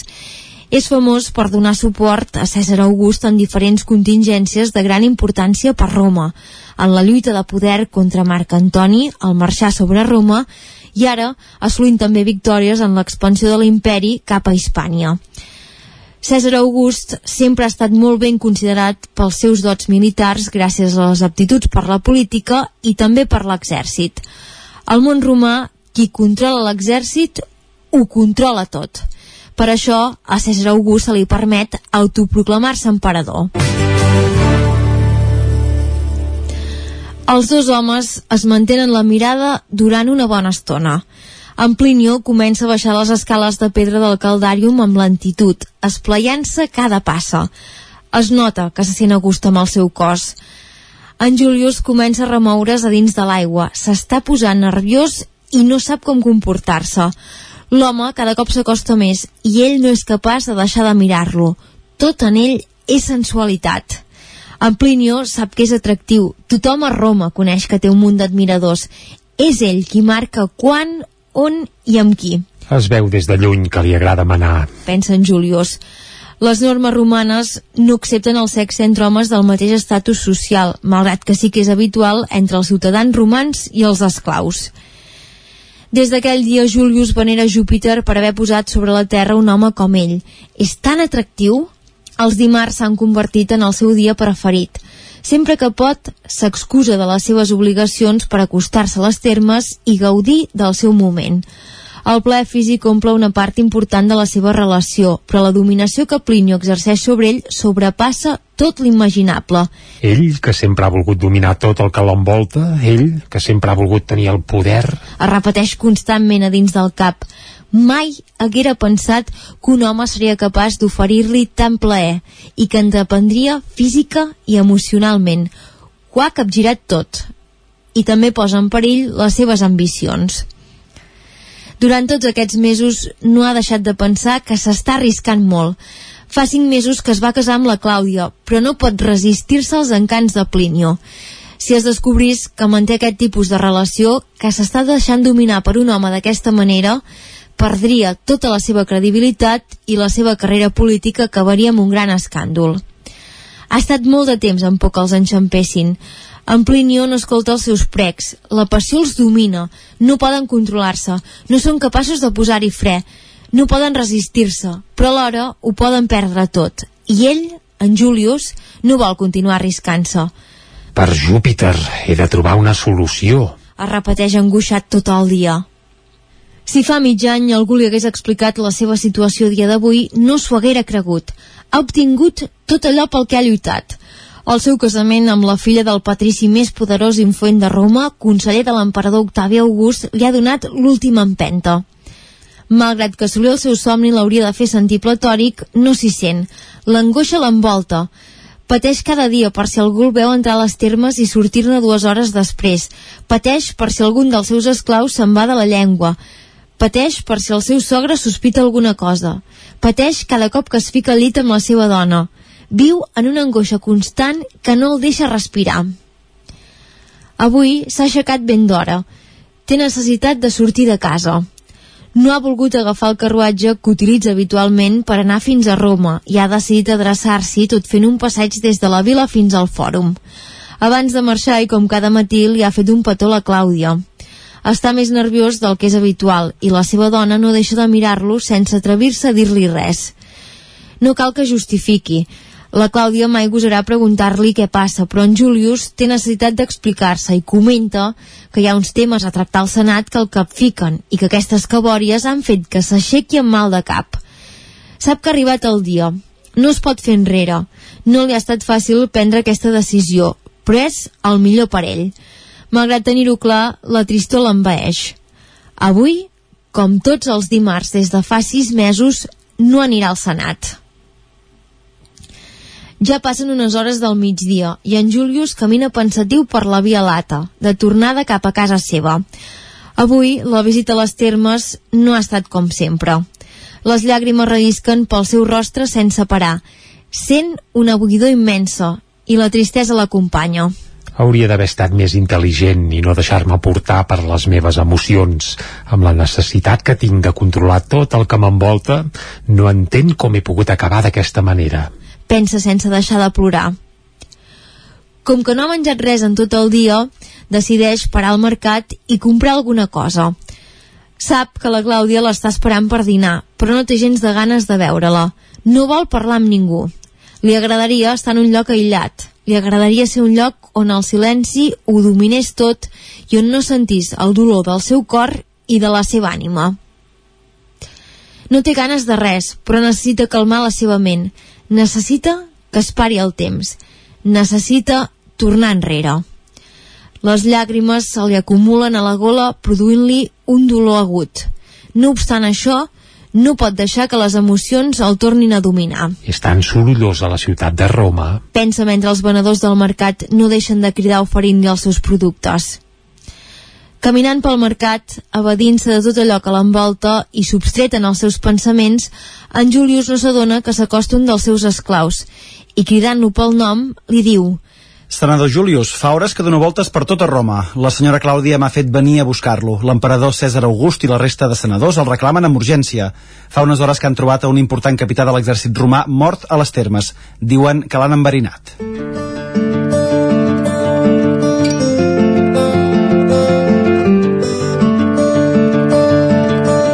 Sisè Premi de Narrativa Curta La Gralla al 9-9 amb el suport de la institució Puigporrets. Un animal polític, de Núria Ferrer Valenzuela, tercer classificat del sisè Premi de Narrativa Curta La Gralla al 9-9, amb les veus de...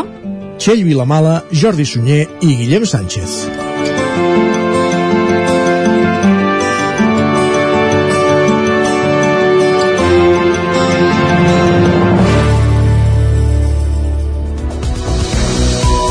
I ara és hora d'actualitzar-nos, de posar-nos al dia amb les notícies més destacades de les nostres comarques, Osona, el Moianès, el Vallès Oriental i el Ripollès, i ho fem en connexió amb les diferents emissores que dia a dia fan possible aquest programa. Ona Codinenca, Ràdio Cardedeu, la veu de Sant Joan, Ràdio Vic, el 9FM, i ens podeu veure també a través de Twitch, YouTube i el 9TV.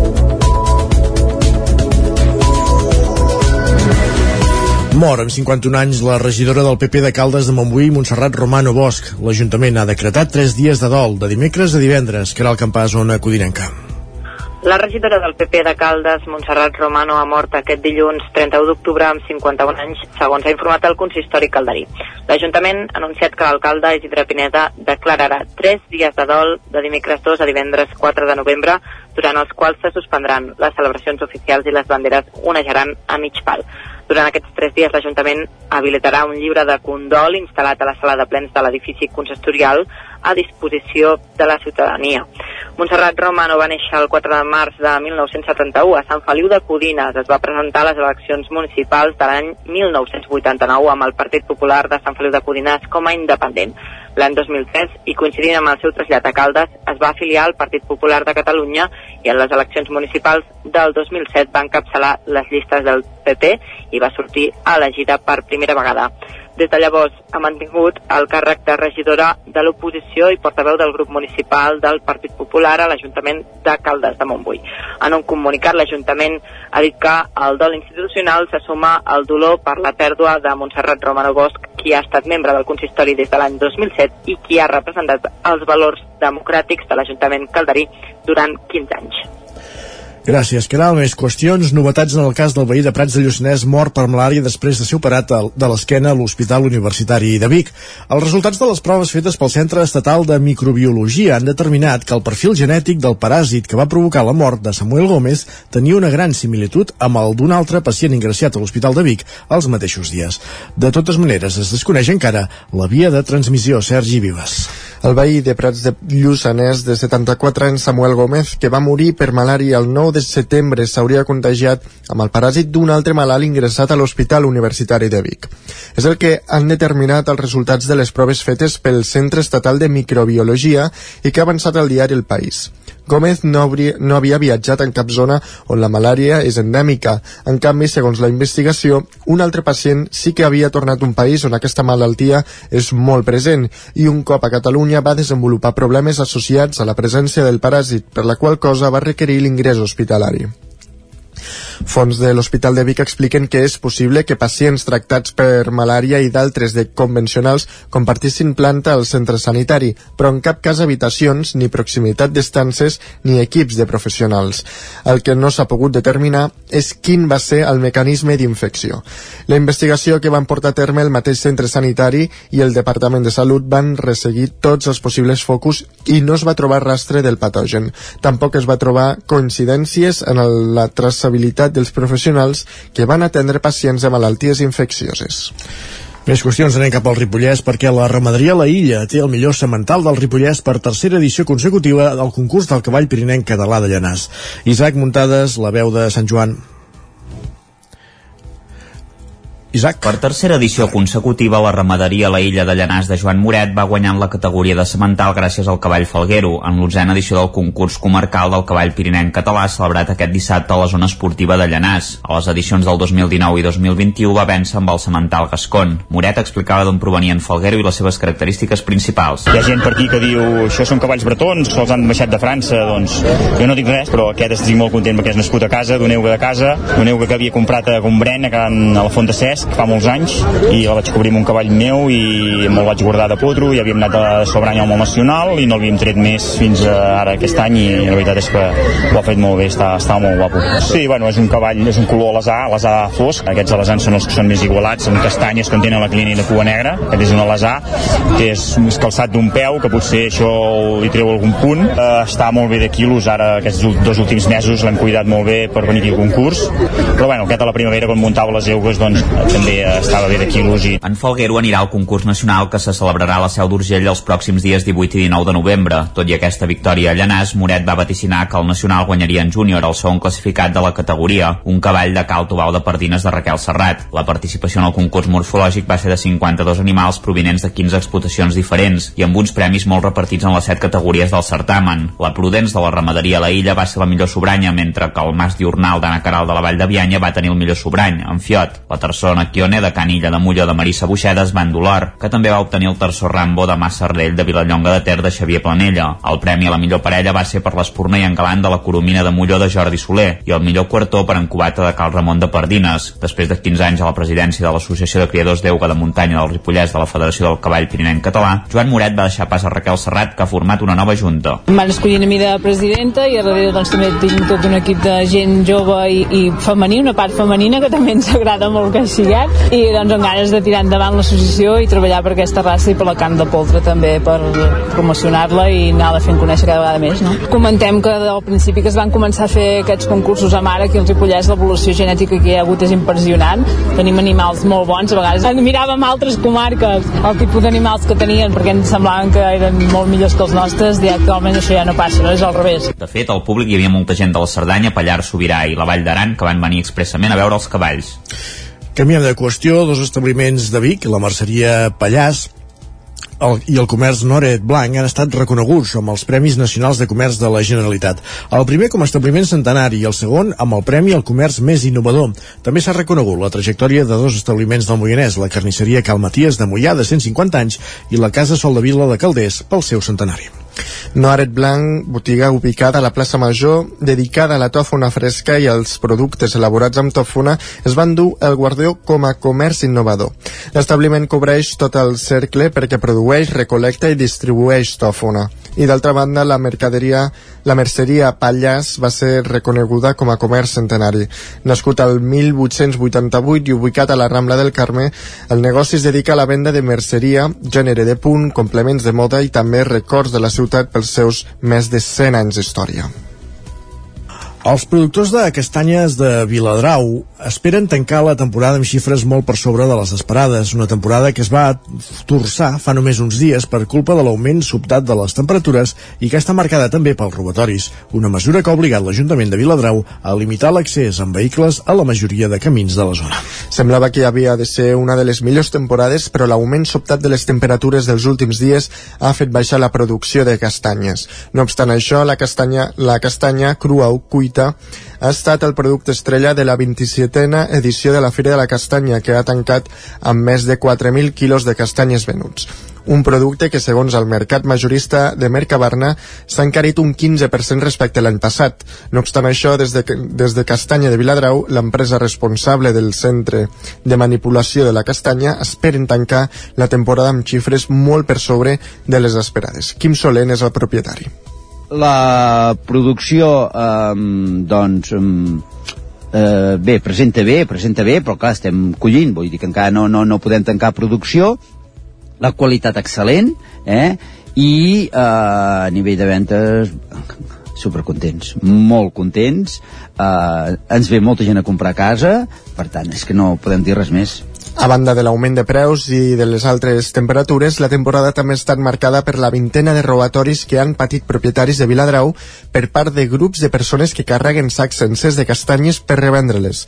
Noemi Basties és l'alcaldessa de Viladrau. Són colles organitzades que venen doncs expressament i molt preparats i molt organitzats per tal de carregar grans quantitats de, de castanyes en, en poca estona.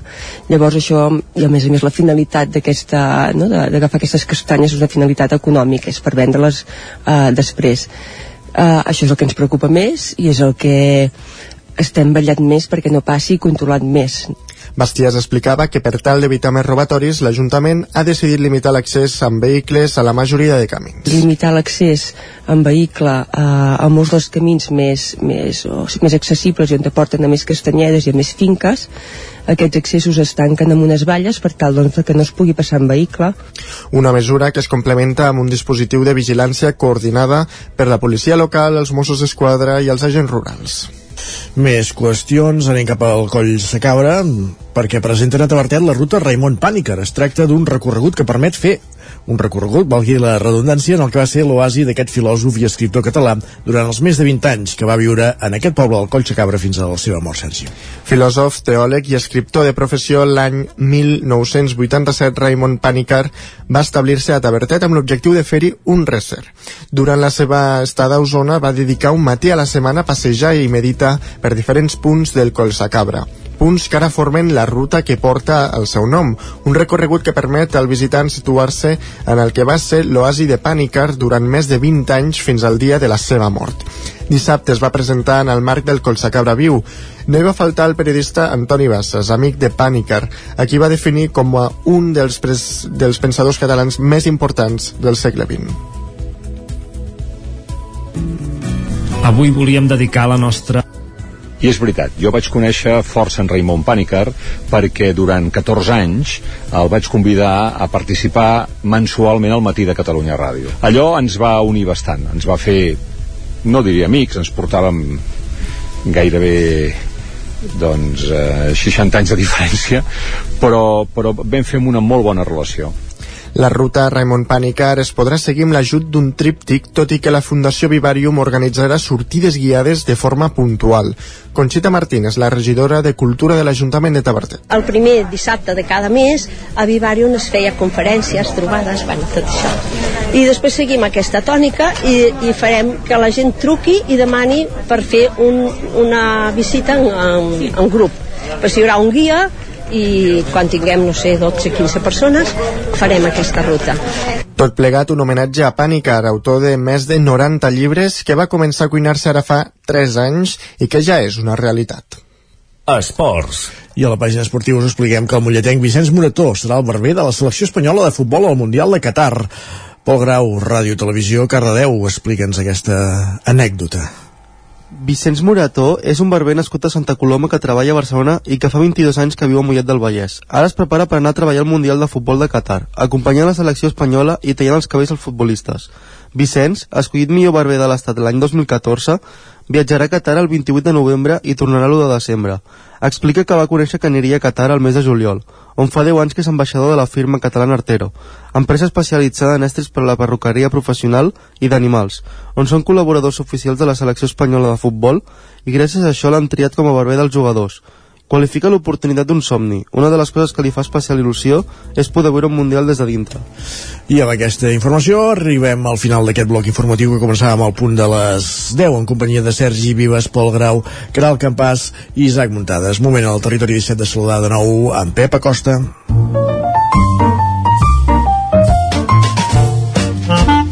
Casa Terradellos us ofereix el temps. I anem fins a una codinenca per parlar amb el nostre home del temps i saber quina, quin temps es, ens espera pel dia d'avui. Valgui la redundància. Pep, bon dia. Molt bon dia. I avui, això, han baixat una mica les temperatures, eh, hi haurà més núvols, s'està costant un front de nord, per fi, per fi s'acosta un, un, un front de nord, i les temperatures màximes també baixaran, baixaran una mica ahir vam superar amb esqueix aquests 20 graus, avui costarà superar els 20 graus. La majoria màximes entre els 18 i els 21, eh, 22 graus a tot estirar. En zones del Pirineu quedaran més baixes entre els 15 i els 17 graus. Per fer una mica sensació de tardor, eh? una mica, una mica. Com deia, bastants núvols, sense precipitacions, vents febles, eh, ara són de direcció variable, de cara a la tarda i al vespre entrarà vent de nord. Vent de nord que fa molts dies que no bufava, ahir sortia una dada eh, a l'Estartit eh, aquest eh, 2022, aquest, aquest octubre 2022, no hi ha hagut cap dia que bufés vent de nord en aquesta zona. Per fi, a partir d'aquesta tarda-nit, entrarà aquesta mica de vent de nord que també netejarà l'atmosfera, s'emportarà eh, moltes partícules de suspensió i per fer una mica de neteja aquest ambient tan carregat de tants dies de vent de sud i de pols que, que tenim. I això és tot, a disfrutar el dia d'avui, un dia no tan càlid, amb una mica de, de núvols i amb unes temperatures eh, una mica una mica més baixes. Moltes gràcies, fins demà, adeu. Gràcies a tu, Pep, fins demà. Coneguda ja la previsió del temps, avancem al territori 17 i tot seguit ens saludem en Jordi Givert, anem al territori sostenible. Casa Tarradellas us ha ofert aquest espai. Territori 17. Envia'ns les teves notes de veu per WhatsApp al 646 079 023. 646 079 023. WhatsApp Territori 17.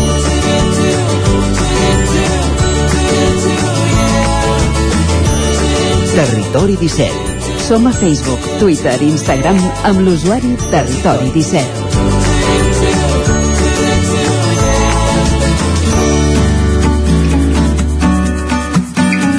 Mig minut que passa d'un quart d'onze del matí, avui al Territori Sostenible parlem de micropobles, entre altres motius perquè el proper 19 de novembre Mollà acollirà la primera fira de micropobles No, el Moianès acollirà la primera fira de micropobles de Catalunya que promou l'Associació de Micropobles de, de Catalunya. Tot plegat, de tot plegat en té més detalls en Jordi Givert i avui hi dedica el territori sostenible. Jordi, benvingut, bon dia, una setmana més. Avui volíem dedicar la nostra entrevista a parlar de l'Associació de Micropobles de Catalunya, que agrupa els pobles de menys de 1.000 habitants de tot el país. Aquest eh, novembre celebraran al Moianès, a l'Estany, la primera fira de micropobles i volíem conèixer de més a prop aquesta entitat del territori. Per fer-ho tenim en Mario Urrea, president de Micropobles. Hola, Mario, uh, bon dia. Bon dia. Mario, per situar-nos una mica, uh, ens pots explicar uh, com sorgeix uh, aquesta agrupació de, de municipis, de micropobles? Mira, en principi és una associació municipalista que sorgeix en el moment de que ens en donem compte que cal donar veu a aquells municipis amb menys població municipis que normalment les hi costa ser representatius, tindre representació a les diferents institucions i per tant municipis que no es veu mai o no se coneix mai la seva realitat. Una realitat molt diferent de dels grans municipis, de les grans urbes, de les grans ciutats. No? I per amb això, a l'any 2008, eh, una sèrie d'alcaldes i regidors acaben constituint aquesta associació municipalista. Uh, llavors, uh, la vostra tasca al dia a dia de, de l'Associació de Micropobles, quina, quina és? Com, com feu, visibilitzeu aquests, uh, aquests municipis petits? Mira, nosaltres la, el nostre objectiu és convertir-nos en un lobby que puguem influir davant de les institucions, davant dels estaments de, de superior nivell, per tal de que quan es fa una llei, es fa una norma, es, es fa qualsevol actuació, es tingui en compte una realitat diferent, no? Nosaltres sempre diem que no podem tractar per igual els que no som iguals. I per tant aquesta és la nostra premissa. I per tant el que volem és de que donar, donar fer, fer sentir la nostra veu quan hi ha aquests canvis legislatius o quan hi ha qualsevol actuació al territori. I creiem de que si anem municipi a municipi és molt difícil de ser escoltats. En canvi, quan ens podem ajuntar tots i podem tindre aquesta institució és molt més fàcil que l'administració superior ens dongui, ens dongui veu, no? I aquesta és la, la finalitat. Uh, quants municipis uh, s'han uh, adherit a, a micropobles actualment? Quan, sí, quan sou? Actualment. Eh, jo podria dir, aquí tindríem que dir parlar de les dades. Uh -huh. Per un costat, eh, nosaltres fins fa poquet, fins fa quatre mesos escassos el nostre, el nostre associació, la nostra associació només era per municipis de fins a 500 habitants uh -huh. i ens en vam donar compte que hi havia una franja que tot i no tindre diguem els mateixos problemes eh, que nosaltres sí que tenien també molts problemes i se sentien una mica orfes de representativitat que és la franja de municipis de 500 a 1.000 uh -huh. i és així que nosaltres vam, vam ampliar la nostra, la nostra associació fins a municipis de 1.000 habitants per tant els municipis de fins de 500 a 1.000 habitants n'hi ha molt pocs que s'hagin fet socis encara no? Uh -huh. perquè molts no, no són coneixedors de què es poden fer socis ens hem preguntat és el número de socis que tenim en aquests moments i en aquests moments nosaltres tenim 230 socis -hmm. bàsicament són 230 socis dels 337 municipis de fins a 500 habitants n'hi ha 4 o 5, eh, 8 exactament, que són de 500 a 1.000 habitants. Però són aquests últims que, que sí. fa uns mesos que, que ah. poden adherir-se a l'associació. La, ah, això es ve significar un 47% de tots els municipis de fins a 1.000 habitants de Catalunya, uh -huh. quasi un 50, eh? Uh -huh. Vull dir que, bueno, que pel poc temps que portem, diguem, amb els de menys de 1.000, uh -huh. està força, força bé. Uh, et volia demanar per, per quines són les uh, problemàtiques uh, que, que veieu uh, amb aquesta relació amb les institucions uh, que és el que eh, es troben els ajuntaments d'aquests municipis petits. Mira, jo crec que la problemàtica més gran que tenim en aquest país és la problemàtica de l'equilibri territorial, de l'equitat territorial, no? Això és una problemàtica molt important, eh, perquè l'equilibri territorial vol dir tindre un país amb un nivell de població més o menys equilibrat, que, que, que els conreus se puguin treballar, que la gent pugui viure al món rural, que no tinguem problemes, diguem, d'incendis forestals perquè es conrea tot el territori, hi ha un mosaic, eh, mosaic eh, agroforestal eh, important, i, i aquest creiem que és el més important. D'aquí ens deriva, doncs, bueno, doncs per un costat, la pèrdua de població que tenim aquests, aquests municipis, no? I, i que comporta aquest desequilibri, no? Eh, ens comporta també el poder dinamitzar tot el que serien l'activitat econòmica i dinamitzar tot el que serien els serveis. Serveis de tot, de tot tipus, eh? culturals, eh, comercials, sanitaris, educatius, etc etc. I després també tot el tema que comporta la mobilitat, no? tant física com virtual, que pugui arribar avui en dia la fibra òptica a tots els municipis també creiem que és un tema important, no? Uh -huh. Per tant, tot això sigui una mica el que ens belluga i en el que estem treballant, no? Uh -huh heu trobat un, un canvi en, el, a la, en les altres institucions des de, des de que veu uh, iniciar aquesta entitat fins ara o, o veieu que costa molt de fer, de, de fer aquest, uh, aquesta pressió? A veure, eh, et puc dir que nosaltres portem ja des del 2008 uh -huh. i en un principi va costar, va costar molt i era reticents, no? Hi havia aquesta associació, però primer perquè eren pocs, després perquè érem una mica més, però d'això, ara, una vegada vam arribar a la pandèmia, aquí es va notar un creixement exponencial, molt, molt important, no? Eh, I després cal dir que el govern actual eh, i, i, i el que teníem fa tres mesos també eh, va notar un, va fer un canvi molt substancial amb la seva manera de mirar no? i se'n va donar compte va començar a ser sensible per treballar tots aquests temes tan importants pel país no? per tant en aquests moments les, la majoria d'institucions no vol dir que n'hi hagi alguna que encara sigui una mica reticent però la majoria d'institucions sí que ja ens comença a tindre en compte a, bueno, a fer-nos cas i a convocar-nos uh -huh. per totes les, les actuacions que ells fan Doncs uh, també volíem parlar amb vosaltres ara perquè el proper 19 de, de novembre uh, mm. veniu al Moianès i feu la primera fira de micropobles a, a l'Estany. Um, sí. com, quin és l'objectiu de fer aquesta fira? Mira, nosaltres creiem de que hem d'aconseguir uns pobles vius i uns pobles plurals i nosaltres volem no estar en contra ni enfrontats ni d'esquena amb el món urbà, no? I per tant, en tot això creiem de que cal fer una fira on que puguem eh, exposar totes les nostres eh, bueno, les nostres eh, dificultats però també sobretot totes les nostres eh, possibilitats que tenim eh, en moltes matèries no? Mhm. eh, culturals, eh, explicar quina, què, què és el que trobem cultura, de cultura als nostres municipis, tant culturals com turística, com econòmica, com productes locals, qualsevol cosa, qualsevol qüestió que tingui un municipi sigui capaç de poder-la oferir als altres micropobles i a tota la ciutadania, a tot el país de Catalunya, perquè en siguin conscients que, bueno, que, que no s'acabe el país al final del, de l'últim carrer que tenim, no? Uh mhm. -huh. I creiem que això és molt important. Mm. Um, per tant, és, uh, és una fira amb l'objectiu de, de donar a conèixer la, la situació d'aquests pobles a, a la resta de la ciutadania, diguem-ne. Ah, exacte, és una fira per donar a conèixer la realitat del món rural al, al, al, al d'això, a, la, a la resta de la ciutadania.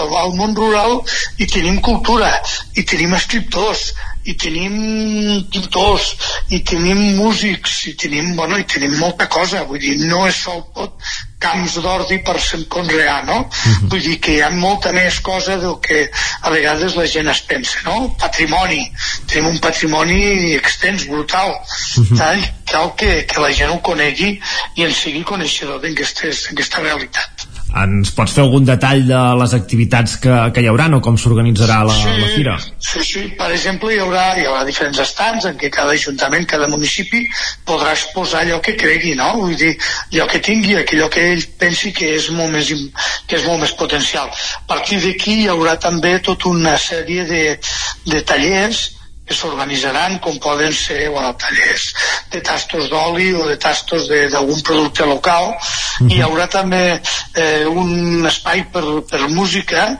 eh, que serà una representació del festival Itinera mm -hmm. i hi haurà bueno, diferents activitats no?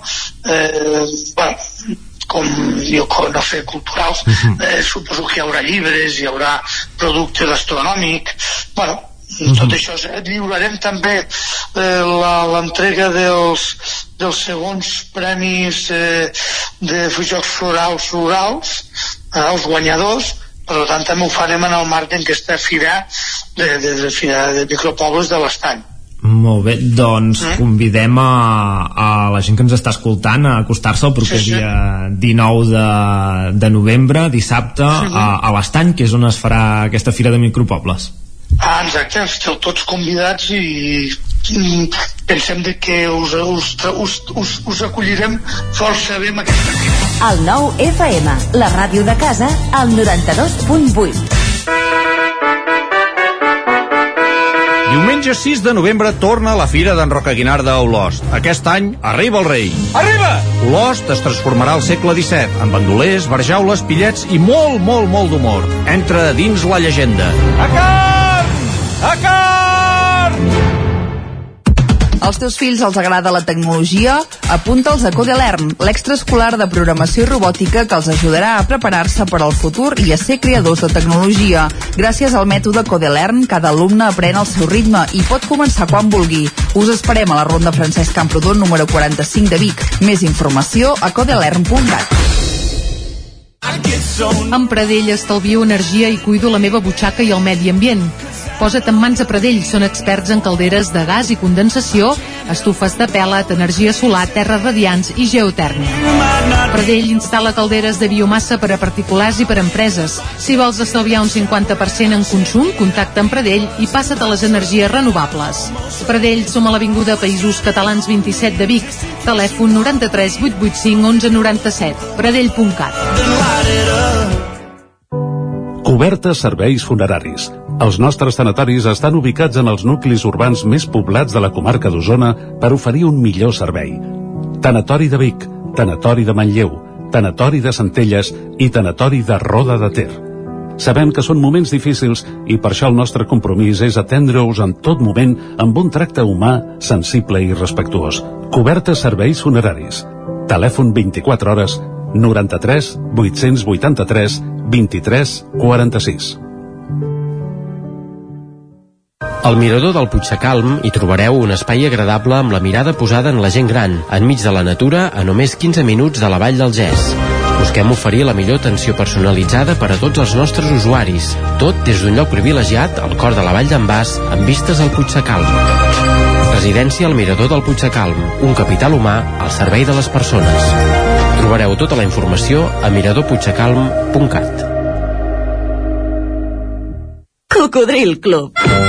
Si t'agrada la bona música dels anys 60, 70 i 80, escolta el 9 FM els matins de dissabtes i diumenges d'11 a 1.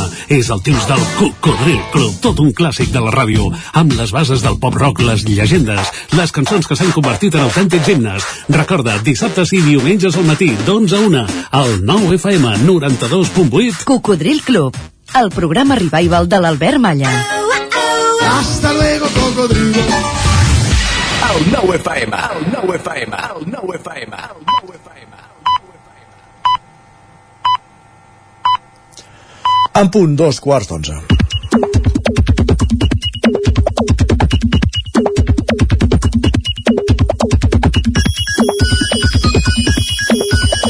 I a dos quarts d'onze en punt, cada dia ens acompanya la secció de les piulades, perquè no cada dia és en companyia en Guillem Sánchez, tot i que majoritàriament sí, i aquesta setmana hem fet ple per ara. De moment sí, 100%. 100%. Bon dia. Què tal, com estem? Bé, i tu? Bé, amb una mica de ressaca encara, però bueno. Va anar bé la castanyada? Sí, El sí, Halloween sí. també? Ja ho anirem passant tot. Molt bé.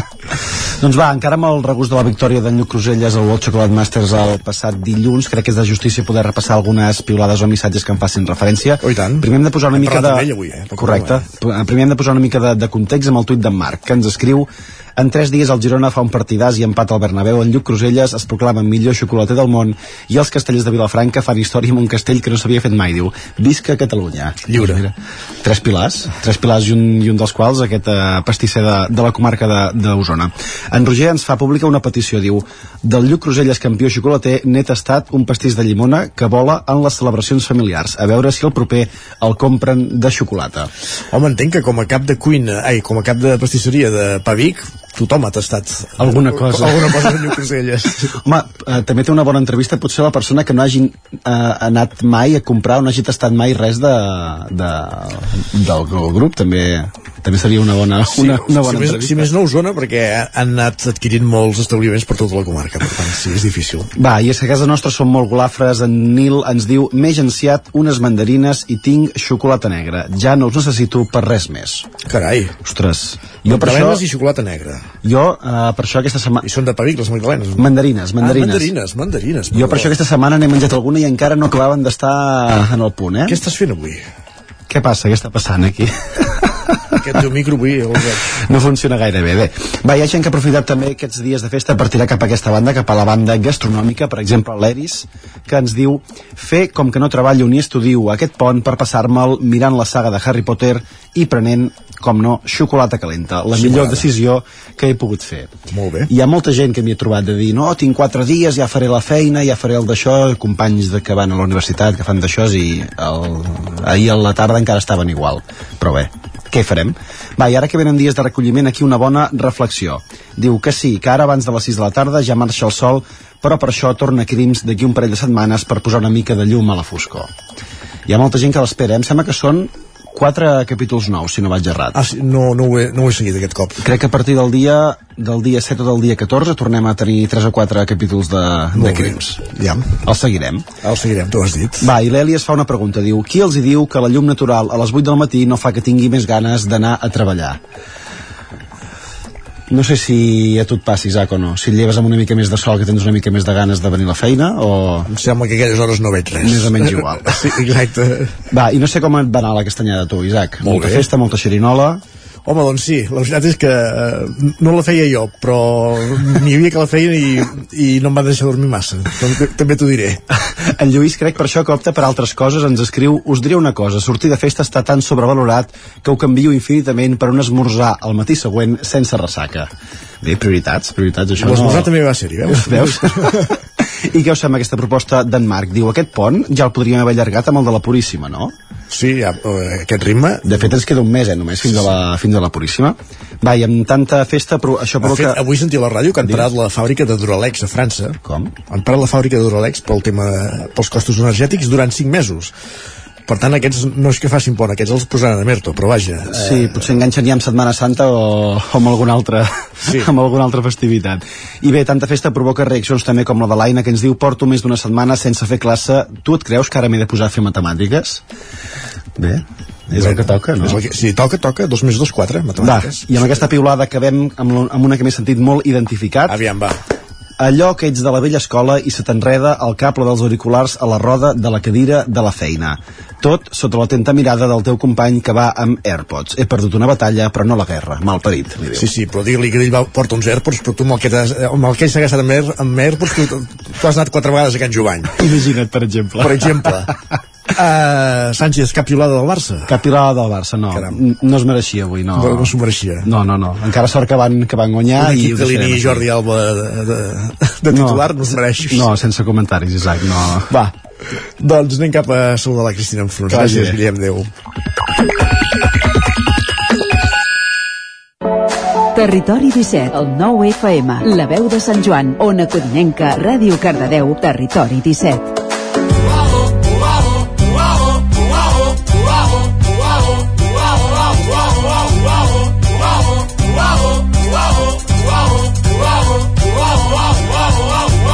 Sobren paraules Doncs vinga, anem a parlar de paraules, anem a parlar de llengua, anem a saludar la Cristina Enfrons com fem cada dimecres, cada 15 dies. Benvinguda, Cristina.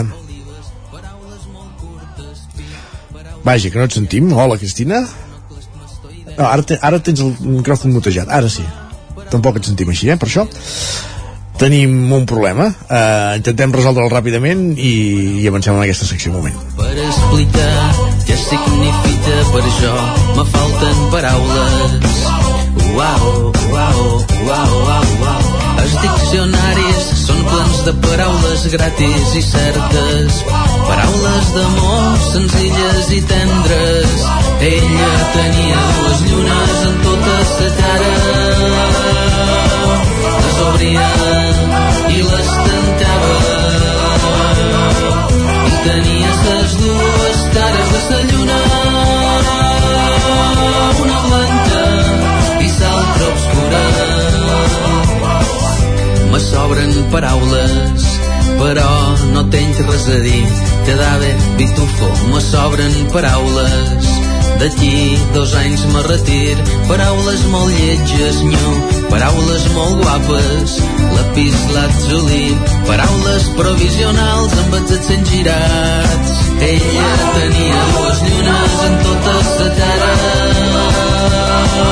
Les obria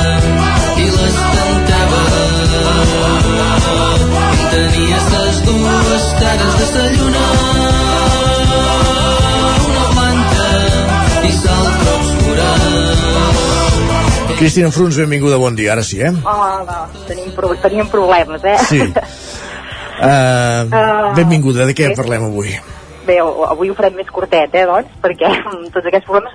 Mira, jo volia lligar una mica amb el, tri- amb el triomf aquest del Lluc Cruselles Sí. i parlar d'aquest vot que fem servir gràcies, no? Per expressar agraïment, en català podem utilitzar formes com gràcies, moltes gràcies o mercès. Però també hi ha una paraula molt utilitzada actualment que és merci. Oh, i tant. De fet, sense el Merci no diria Mercès, no? Doncs veure, a veure, perquè eh, podem acceptar-la aquesta forma? Anem-ho a veure. Segons es diu l'Optimot, és preferible restringir la forma merci a àmbits molt col·loquials o familiars, no? Aquesta eh, paraula, evidentment, prové del francès, però no sabem si eh, senzillament merci va ser una adaptació de, del mercès o es va agafar la, la paraula directament del francès, per la raó que fos, no? Versi, doncs, la pronunciem a la catalana, amb la ben, E ben oberta, accent a la primera síl·laba, no hi ha rastre d'aquesta R francès, no? Nosaltres el diem perfectament en, en català. El mercès, en canvi, el, suposo que nosaltres tampoc el fem servir massa, els avis sí que, que és una expressió molt viva, però col·loquialment aquesta paraula no, no la fem servir, no? Què passa per això? Quan eh, podem dir gràcies, podem dir merci o mercès, però què respondrem després, no? Si tu dius merci, normalment eh, dius no es demana tu dius gràcies, normalment diràs de res, oi? En canvi, si tu dius uh, gràcies, Sí. gràcies diràs de res, en canvi, merci, normalment no respondràs. I en canvi, el mercès, doncs uh, sí que res, mm, vol una resposta una mica més udents, com per exemple, no es mereixen, o bé uh, una cosa més mm, postissa, no s'ho val, però sí. el que sí que no podem dir és aquest típic, no hi ha de què, No que seria en castellà, no? Aquest no hi ha de què. Per acabar-ho d'il·lustrar, podem, hi ha una enquesta a les xarxes sobre quina és la forma que es, es fa servir més. Eh, hi ha un, un 5% que dirien aquest mercès de tota la vida. Sí. El gràcies el farien servir un 40 per 40,6% de, de la gent i un merci un 54,5%. Per tant, guanya aquest merci que ja el tenim nosaltres aquí eh, ben introduït. Molt interioritzat. El, el tenim molt interioritzat, sí, sí. Sí, sí, sí. El no hi ha de què m'has optat, eh? Mira, perquè aquest sí que el faig anar molt jo. Doncs a partir d'ara ja Doncs me'l és, me tatxaré. Exacte, eh, este és un alineat amb, amb el castellà no hi de què, per tant, podem evitar-lo, ja tenim altres formes, com hem dit, no? No s'ho val o no es mereixen, que Correcte. eren potser mica més formals. Molt bé. Uh, I posem música? I- Ah, o, Sí, digues. tenim temps, sí, Mare com Déu, vulguis. tot el que vulguis. Doncs mira, Doncs som-hi, música.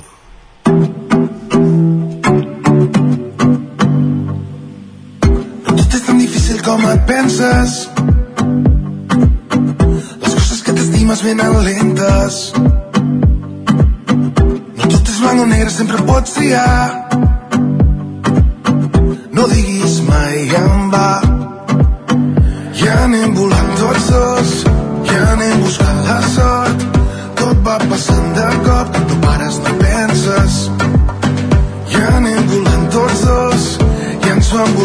l'amor tot va segons l'acord la vida comença. I que quan dogui el món serem nosaltres dos estimant salvatge estimant salvatge. I que quan dogui el món serem nosaltres dos estimant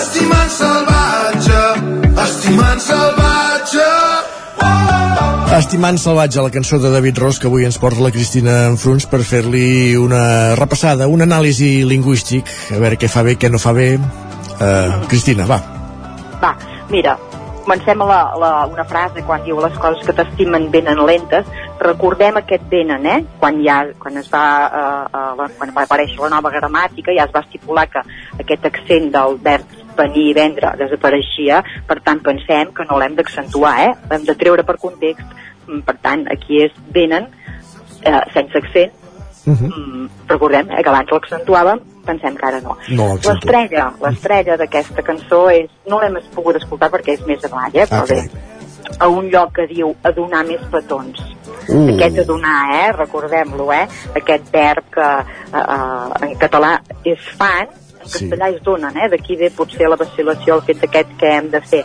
Recordem eh, que el verb donar no es fa servir en expressions com donar un petó, sinó fer un petó, donar una abraçada no, sinó fer una abraçada, donar un missatge, un massatge no, fer un massatge, eh? Hi ha una, varia, hi ha una variant aquest. digital, hi ha una variant digital de tot plegat, que és el donar like amb un, amb un, amb un missatge d'Instagram. Aquesta també...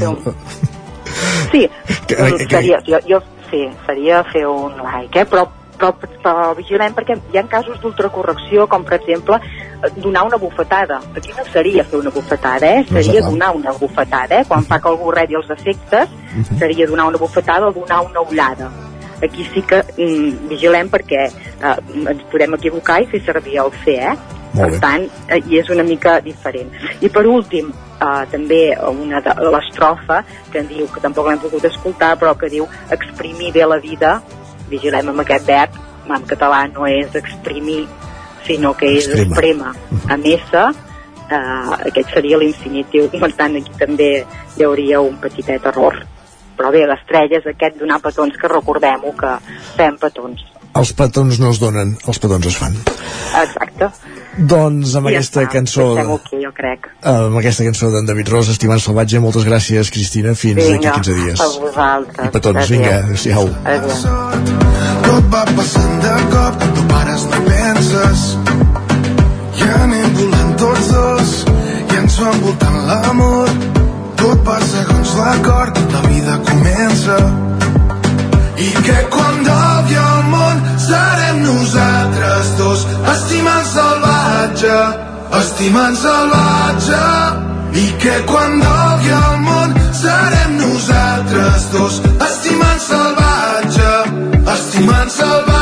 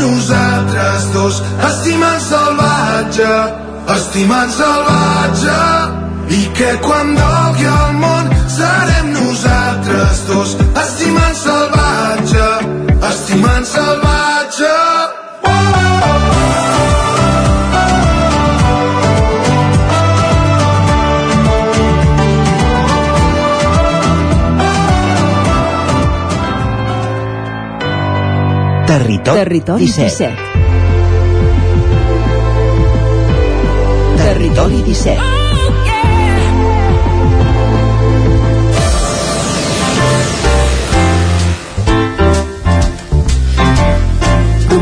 Que passa de 3 quarts d'onze del matí al territori 17. Els dimecres és això que és un dia molt literari. Hem tingut abans un relat del Premi de Narrativa Curta a la Gralla al 9-9. Ara aquesta secció de llengua amb la Cristina Fruns i ho rematem sempre amb el Lletra Ferits i avui en companyia de la Marta Simón, llibretera de la muntanya de llibres, llibreteria de Vic. Benvinguda Marta, bon dia. Hola, bon dia, què tal?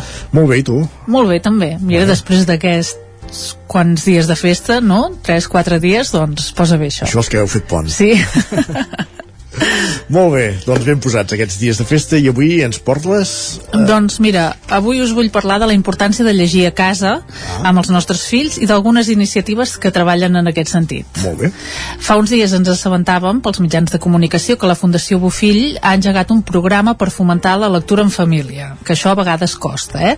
I és que, segons les dades de les avaluacions internacionals PISA i PIRLS, recollides per aquesta fundació, atenció als nens de quart de primària, de 8 i 9 anys, que llegeixen acompanyats pels seus, pels seus pares a casa, porten eh, pràcticament mig curs d'avantatge en comprensió lectora respecte als que no ho fan. No és pas poca cosa, mig no, curs, eh? i entenc que després, eh, a mesura que es van fer més grans, doncs segurament aquest avantatge encara va, va creixent, va creixent sí. Uh, a Catalunya es calcula que un de cada quatre infants té un nivell lector baix quan acaba l'educació primària i el fet de no disposar d'un nivell bo de comprensió lectora, evidentment, compromet negativament el rendiment escolar. Uh, a vegades hi ha famílies que es creuen, no?, Uh, segurament per falta de temps també, doncs que la lectura és un tema que s'ha de tractar només o que es tracta ja a l'escola i ja n'hi ha prou. I això no és així, perquè cal potenciar-la des de casa, en la mesura del possible perquè la lectura en família és molt beneficiosa uh, pels nens i nenes. I relacionat amb aquest tema precisament, fa poc ha sortit publicat un llibre del qual us volem parlar avui que és La màgia de llegir en veu alta de Megan Cox Garden, publicat per Viena Edicions. Uh -huh. Ara ja no es tracta no només de llegir, sinó llegir en veu alta. No sé si ho acostumes a fer, Isaac. Uh, cada dia. Sí? Aquí a la ràdio, eh? Exacte. Sí, de fet sí. Però sí. llegir llibres, diguéssim... En veu alta no. En veu alta no. Megan Cox és l'autora i és assagista i crítica literària i des de fa 20 anys escriu al The Wall Street Journal sobre llibres infantils i des de fa també un parell de dècades dedica una hora al dia aproximadament a llegir en veu alta els seus cinc fills. Uh, sí, que té bastant mèrit perquè tenir cinc fills i tenir temps per llegir una hora al dia i a Són més a més hores, treballar eh? sí, no, cinc hores o sigui una hora cada un no, eh? Ah, tots entesos. plegats diguéssim D'acord. Uh, en una era dominada per internet, les noves tecnologies i la immediatesa, en aquest llibre Cox demostra que la lectura, i en especial la lectura compartida, és un recurs extraordinari a l'hora de millorar les capacitats intel·lectuals i efectives de nens i d'adults també. Basant-se en estudis científics de psicologia i neurociència i en vivències i experiències reals, la periodista analitza els beneficis de dedicar una estona al dia a la lectura en veu alta amb els fills. I qui diu amb els fills, diu també, per exemple, amb alumnes, a l'escola, per tant, també és un bon mètode, o amb adults que tinguin dificultats per llegir. Per exemple, en el llibre destaca un estudi clínic fet pel grup de recerca de l'Hospital Infantil de Cincinnati sobre el comportament del cervell entre els 3 i 5 anys. Els investigadors analitzaven 5 zones del cervell infantil quan els explicaven un conte oralment però sense veure'n imatges, quan els explicaven el mateix conte però també els mostraven les il·lustracions i finalment quan els feien mirar el conte però en vídeo. Aquest experiment va servir per veure que la lectura en veu alta d'un conte il·lustrat, per tant mostrant les imatges, és el moment òptim per reforçar les connexions que els permetran processar narratives més complexes, és a dir, és quan el cervell treballa més i millor i permet al nen avançar més en l'aprenentatge. I també va servir per comprovar que quan el nen mirava el conte en vídeo, l'activitat cerebral queia en picat el nen veu i mira el conte però no l'integra a les xarxes cerebrals i per tant el cervell no ha de fer cap feina Carai. que el doctor que explica l'estudi a l'autora del llibre fa servir una comparació no, que bueno, em va semblar que, que estava bé que es diu hi ha els llums encesos però no hi ha ningú a casa no? Seria, sí, seria sí. això. Bon símil, està clar. Sí. Per tant, les dades ens demostren que passen coses meravelloses quan llegim en veu alta. Però per què és així? Això diu l'autora que ja és més difícil de- d'explicar. De, per un costat és una simple qüestió d'estímuls, de llenguatge, d'atenció mútua, del plaer de sentir històries, però també l'hem d'entendre com un fet que va més enllà, com un acte transcendent. Sentim la veu que ens explica una història, la veu s'esveeix, però deixa un rastre al seu pas en la imaginació i en la memòria dels que l'han sentit. I al cap i a la fi, la història de la humanitat és la història de la veu humana explicant contes, com ens recorda Cox. L'Odissea, Homer, versió de Jesús Cortés. Fa molts anys, a Troia, hi hagué una guerra terrible. En acabar, els guerrers s'embarcaren per a tornar als seus regnes. Un dels més valents era Ulisses, rei d'Ítaca. Durant el retorn, pararen en una illa. Allà vivia, dins d'una cova, Polifem, un personatge monstruós. Com tots els ciclops, només tenia un ull. Polifem, en descobrir els guerrers, els atacà rabiós. Ulisses es defensà amb coratge. En la lluita li va poder clavar una llança a l'ull. Maleïts forasters, morireu! Cridava Polifem mentre tirava pedra. Una narració oral, està clar. Sí, estem escoltant l'Odissea d'Homer, com hem sentit en aquest cas en una versió de Jesús Cortés per l'editorial Bromera, que és una adaptació infantil eh, d'aquest llibre, perquè a l'antiga Grècia els rapsodes no llegien llibres, sinó que els amagatzemaven a la seva memòria i els recitaven. Llargs poemes com la Ilíada o l'Odissea. Fa temps que aquesta figura va desaparèixer, però el seu paper al món antic és un recordatori que quan llegim en veu alta passem a formar part d'una de les tradicions més antigues i grandioses de la història. Però fins i tot quan va aparèixer la impremta, la gent va seguir depenent de la veu perquè el que estava escrit prengués sentit. Fins al segle X després de Crist, llegir era només llegir en veu alta. Llegir en silenci, tal com ho fem nosaltres, Isaac, es considerava una cosa molt estranya.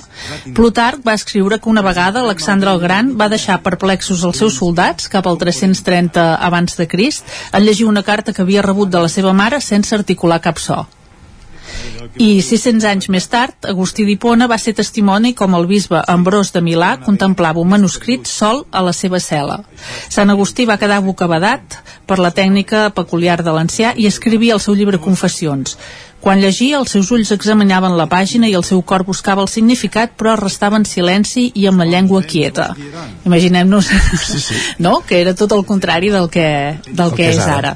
A la màgia de llegir en veu alta, aquest llibre que us proposem avui, l'autor analitza els avantatges de començar a llegir ja de ben petits àlbums o contes il·lustrats als nens, una mica en la línia de l'estudi que comentàvem abans, i també explica la importància de la lectura en veu alta per millorar i enriquir el vocabulari dels infants. Si vols que els teus fills siguin intel·ligents, llegeix-los contes. Si vols que siguin més intel·ligents, llegeix-los més contes, que és una frase que s'atribueix a Albert Einstein, com tantes d'altres, sí. de fet, no ho podem assegurar això, ni que llegir contes ens faci més intel·ligents, però sí que és cert que els contes donen una altra dimensió i una profunditat a la vida dels nens i a més a més, cervells, exacte, amplia el nostre bagatge cultural també, no? Perquè, per exemple, quan llegim Hansel i Gretel o El gat amb botes, el que fem és transportar els infants amb la nostra veu i fer-los aterrar en textos fundacionals. Els introduïm en l'art i la literatura d'una manera tan tranquil·la que segurament ni se n'adonen una nena, per exemple, que hagi sentit eh, les faules d'Isop, sí. no? entendrà, per exemple, perquè la gent compara les treballadores formigues amb les cigales, o un nen que hagi llegit l'Odissea, encara que sigui en una adaptació, sabrà a què ens referim quan parlem de cants de sirenes. Uh mhm. -huh. Per tant, ja ens hem conscienciat de la importància de llegir en veu alta en família i estem disposats, però com ho hem de fer això? Anar a comprar, anar a, anar a comprar el llibre. uh, uh, Megan Cox ens ofereix algunes pautes. Per exemple, comencem a poc a poc. No cal que llegim una hora, com fa ella, des del primer dia, sinó que fem el que puguem. I tinguem clar que mai és massa tard per començar. Encara que els nostres fills ja siguin una mica grandets, doncs sempre és un bon dia. Molt. Un altre consell, apaguem la tecnologia, silenciem els telèfons mòbils i deixem-los, no només els dels nens, si en tenen, que ja són, si ja són prou grans per tenir-les, sinó els dels pares, i deixem-los prou llunts per no veure'ls eh, ni sentir-los si sonen. Això vol dir que no podem llegir contes als fills amb les tauletes? Home, doncs sí, evidentment, però és problemàtic i pot fer disminuir l'atenció al final i la immersió en l'experiència de llegir conjuntament. Cal ser un gran rapsoda per llegir en família? No. Ens hem de divertir plegats i, evidentment, hi ajuda a tenir un bon llibre. L'únic que hem de fer és relaxar-nos i deixar que les paraules vagin sortint evidentment fer veus o accents divertits doncs pot afegir molta, molta salsa llegir pot agafar eh, cert aire d'aventura si busquem un bon lloc també per exemple al mig de la natura, aprofitant alguna excursió, al costat del mar, en un parc uh -huh. o a casa, eh? No cal llegir forçosament als vespres, llegim quan ens vagi bé, fins i tot mentre es fan altres activitats necessàries, com esmorzar o banyar-se, per exemple, però sí que és cert que quan els fills es fan més grans, a l'hora d'anar a dormir és la millor perquè té l'efecte com de recolliment. I si els fills tenen edats molt diferents, diu l'autora, se suposa que ens hem d'escoltar eh, llegint els mateixos eh, llibres, que ens han d'escoltar llegint els mateixos llibres? Doncs pot ser, depèn. Segurament haurem d'experimentar una mica per trobar el que ens va millor. Potser podem llegir una estona per separat amb cadascun d'ells, si realment hi ha molta diferència, o buscar algun llibre que sigui un entremig. I per acabar, però molt interessant i important, l'autora ens ofereix una llista de llibres recomanats sí, per llegir en veu alta. Prenem nota, va. Vinga, que a més a més trobem en aquest llibre en l'edició traduïda al català o al castellà en destaquem alguns, n'hi ha moltíssims, eh?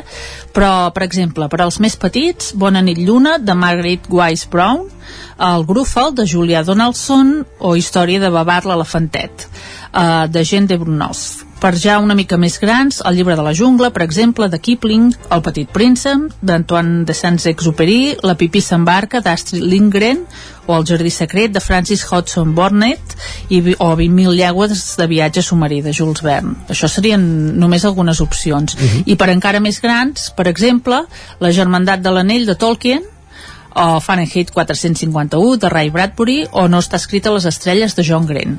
Doncs aquí ja tenim feina per anar, per anar fent per començar, si més no. Exacte i no sé si tenim temps per afegir tenim un... 30 segons, sí. Ah, però, doncs res, recordar que està en marxa la campanya de la Generalitat en aquest mateix sentit de fa 6 anys tria un llibre i que els nens que aquest any han fet o fan 6 anys poden anar a les llibreries amb un val que hauran rebut a casa i vas canviar-lo per un llibre, que és una bona manera també d'ampliar la biblioteca familiar.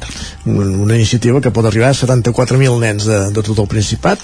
Exacte, i que està impulsada pel Gremi de Llibreters i el Departament de Cultura. Perfecte, doncs doncs l'exercici de llegir en veu alta a casa, sobretot amb els infants, que, que és important, ens ho, ho ha destacat avui la Marta Simona en Lletra Ferits, i no només la Marta, sinó aquell llibre, diguéssim, que, que ha vingut a tom per fer la secció. Marta, moltíssimes gràcies una setmana A més. vosaltres, fins a la propera. la propera, adéu-siau. Adéu.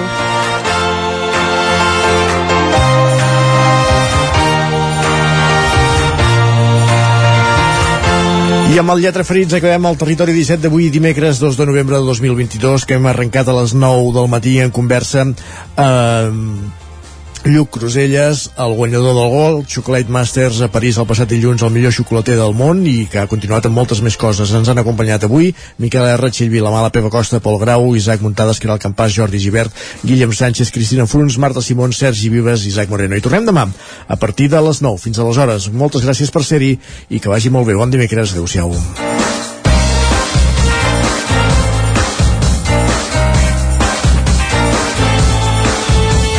Territori 17, un magazín del nou FM. La veu de Sant Joan, Ona Codinenca i Ràdio Cardedeu amb el suport de la xarxa.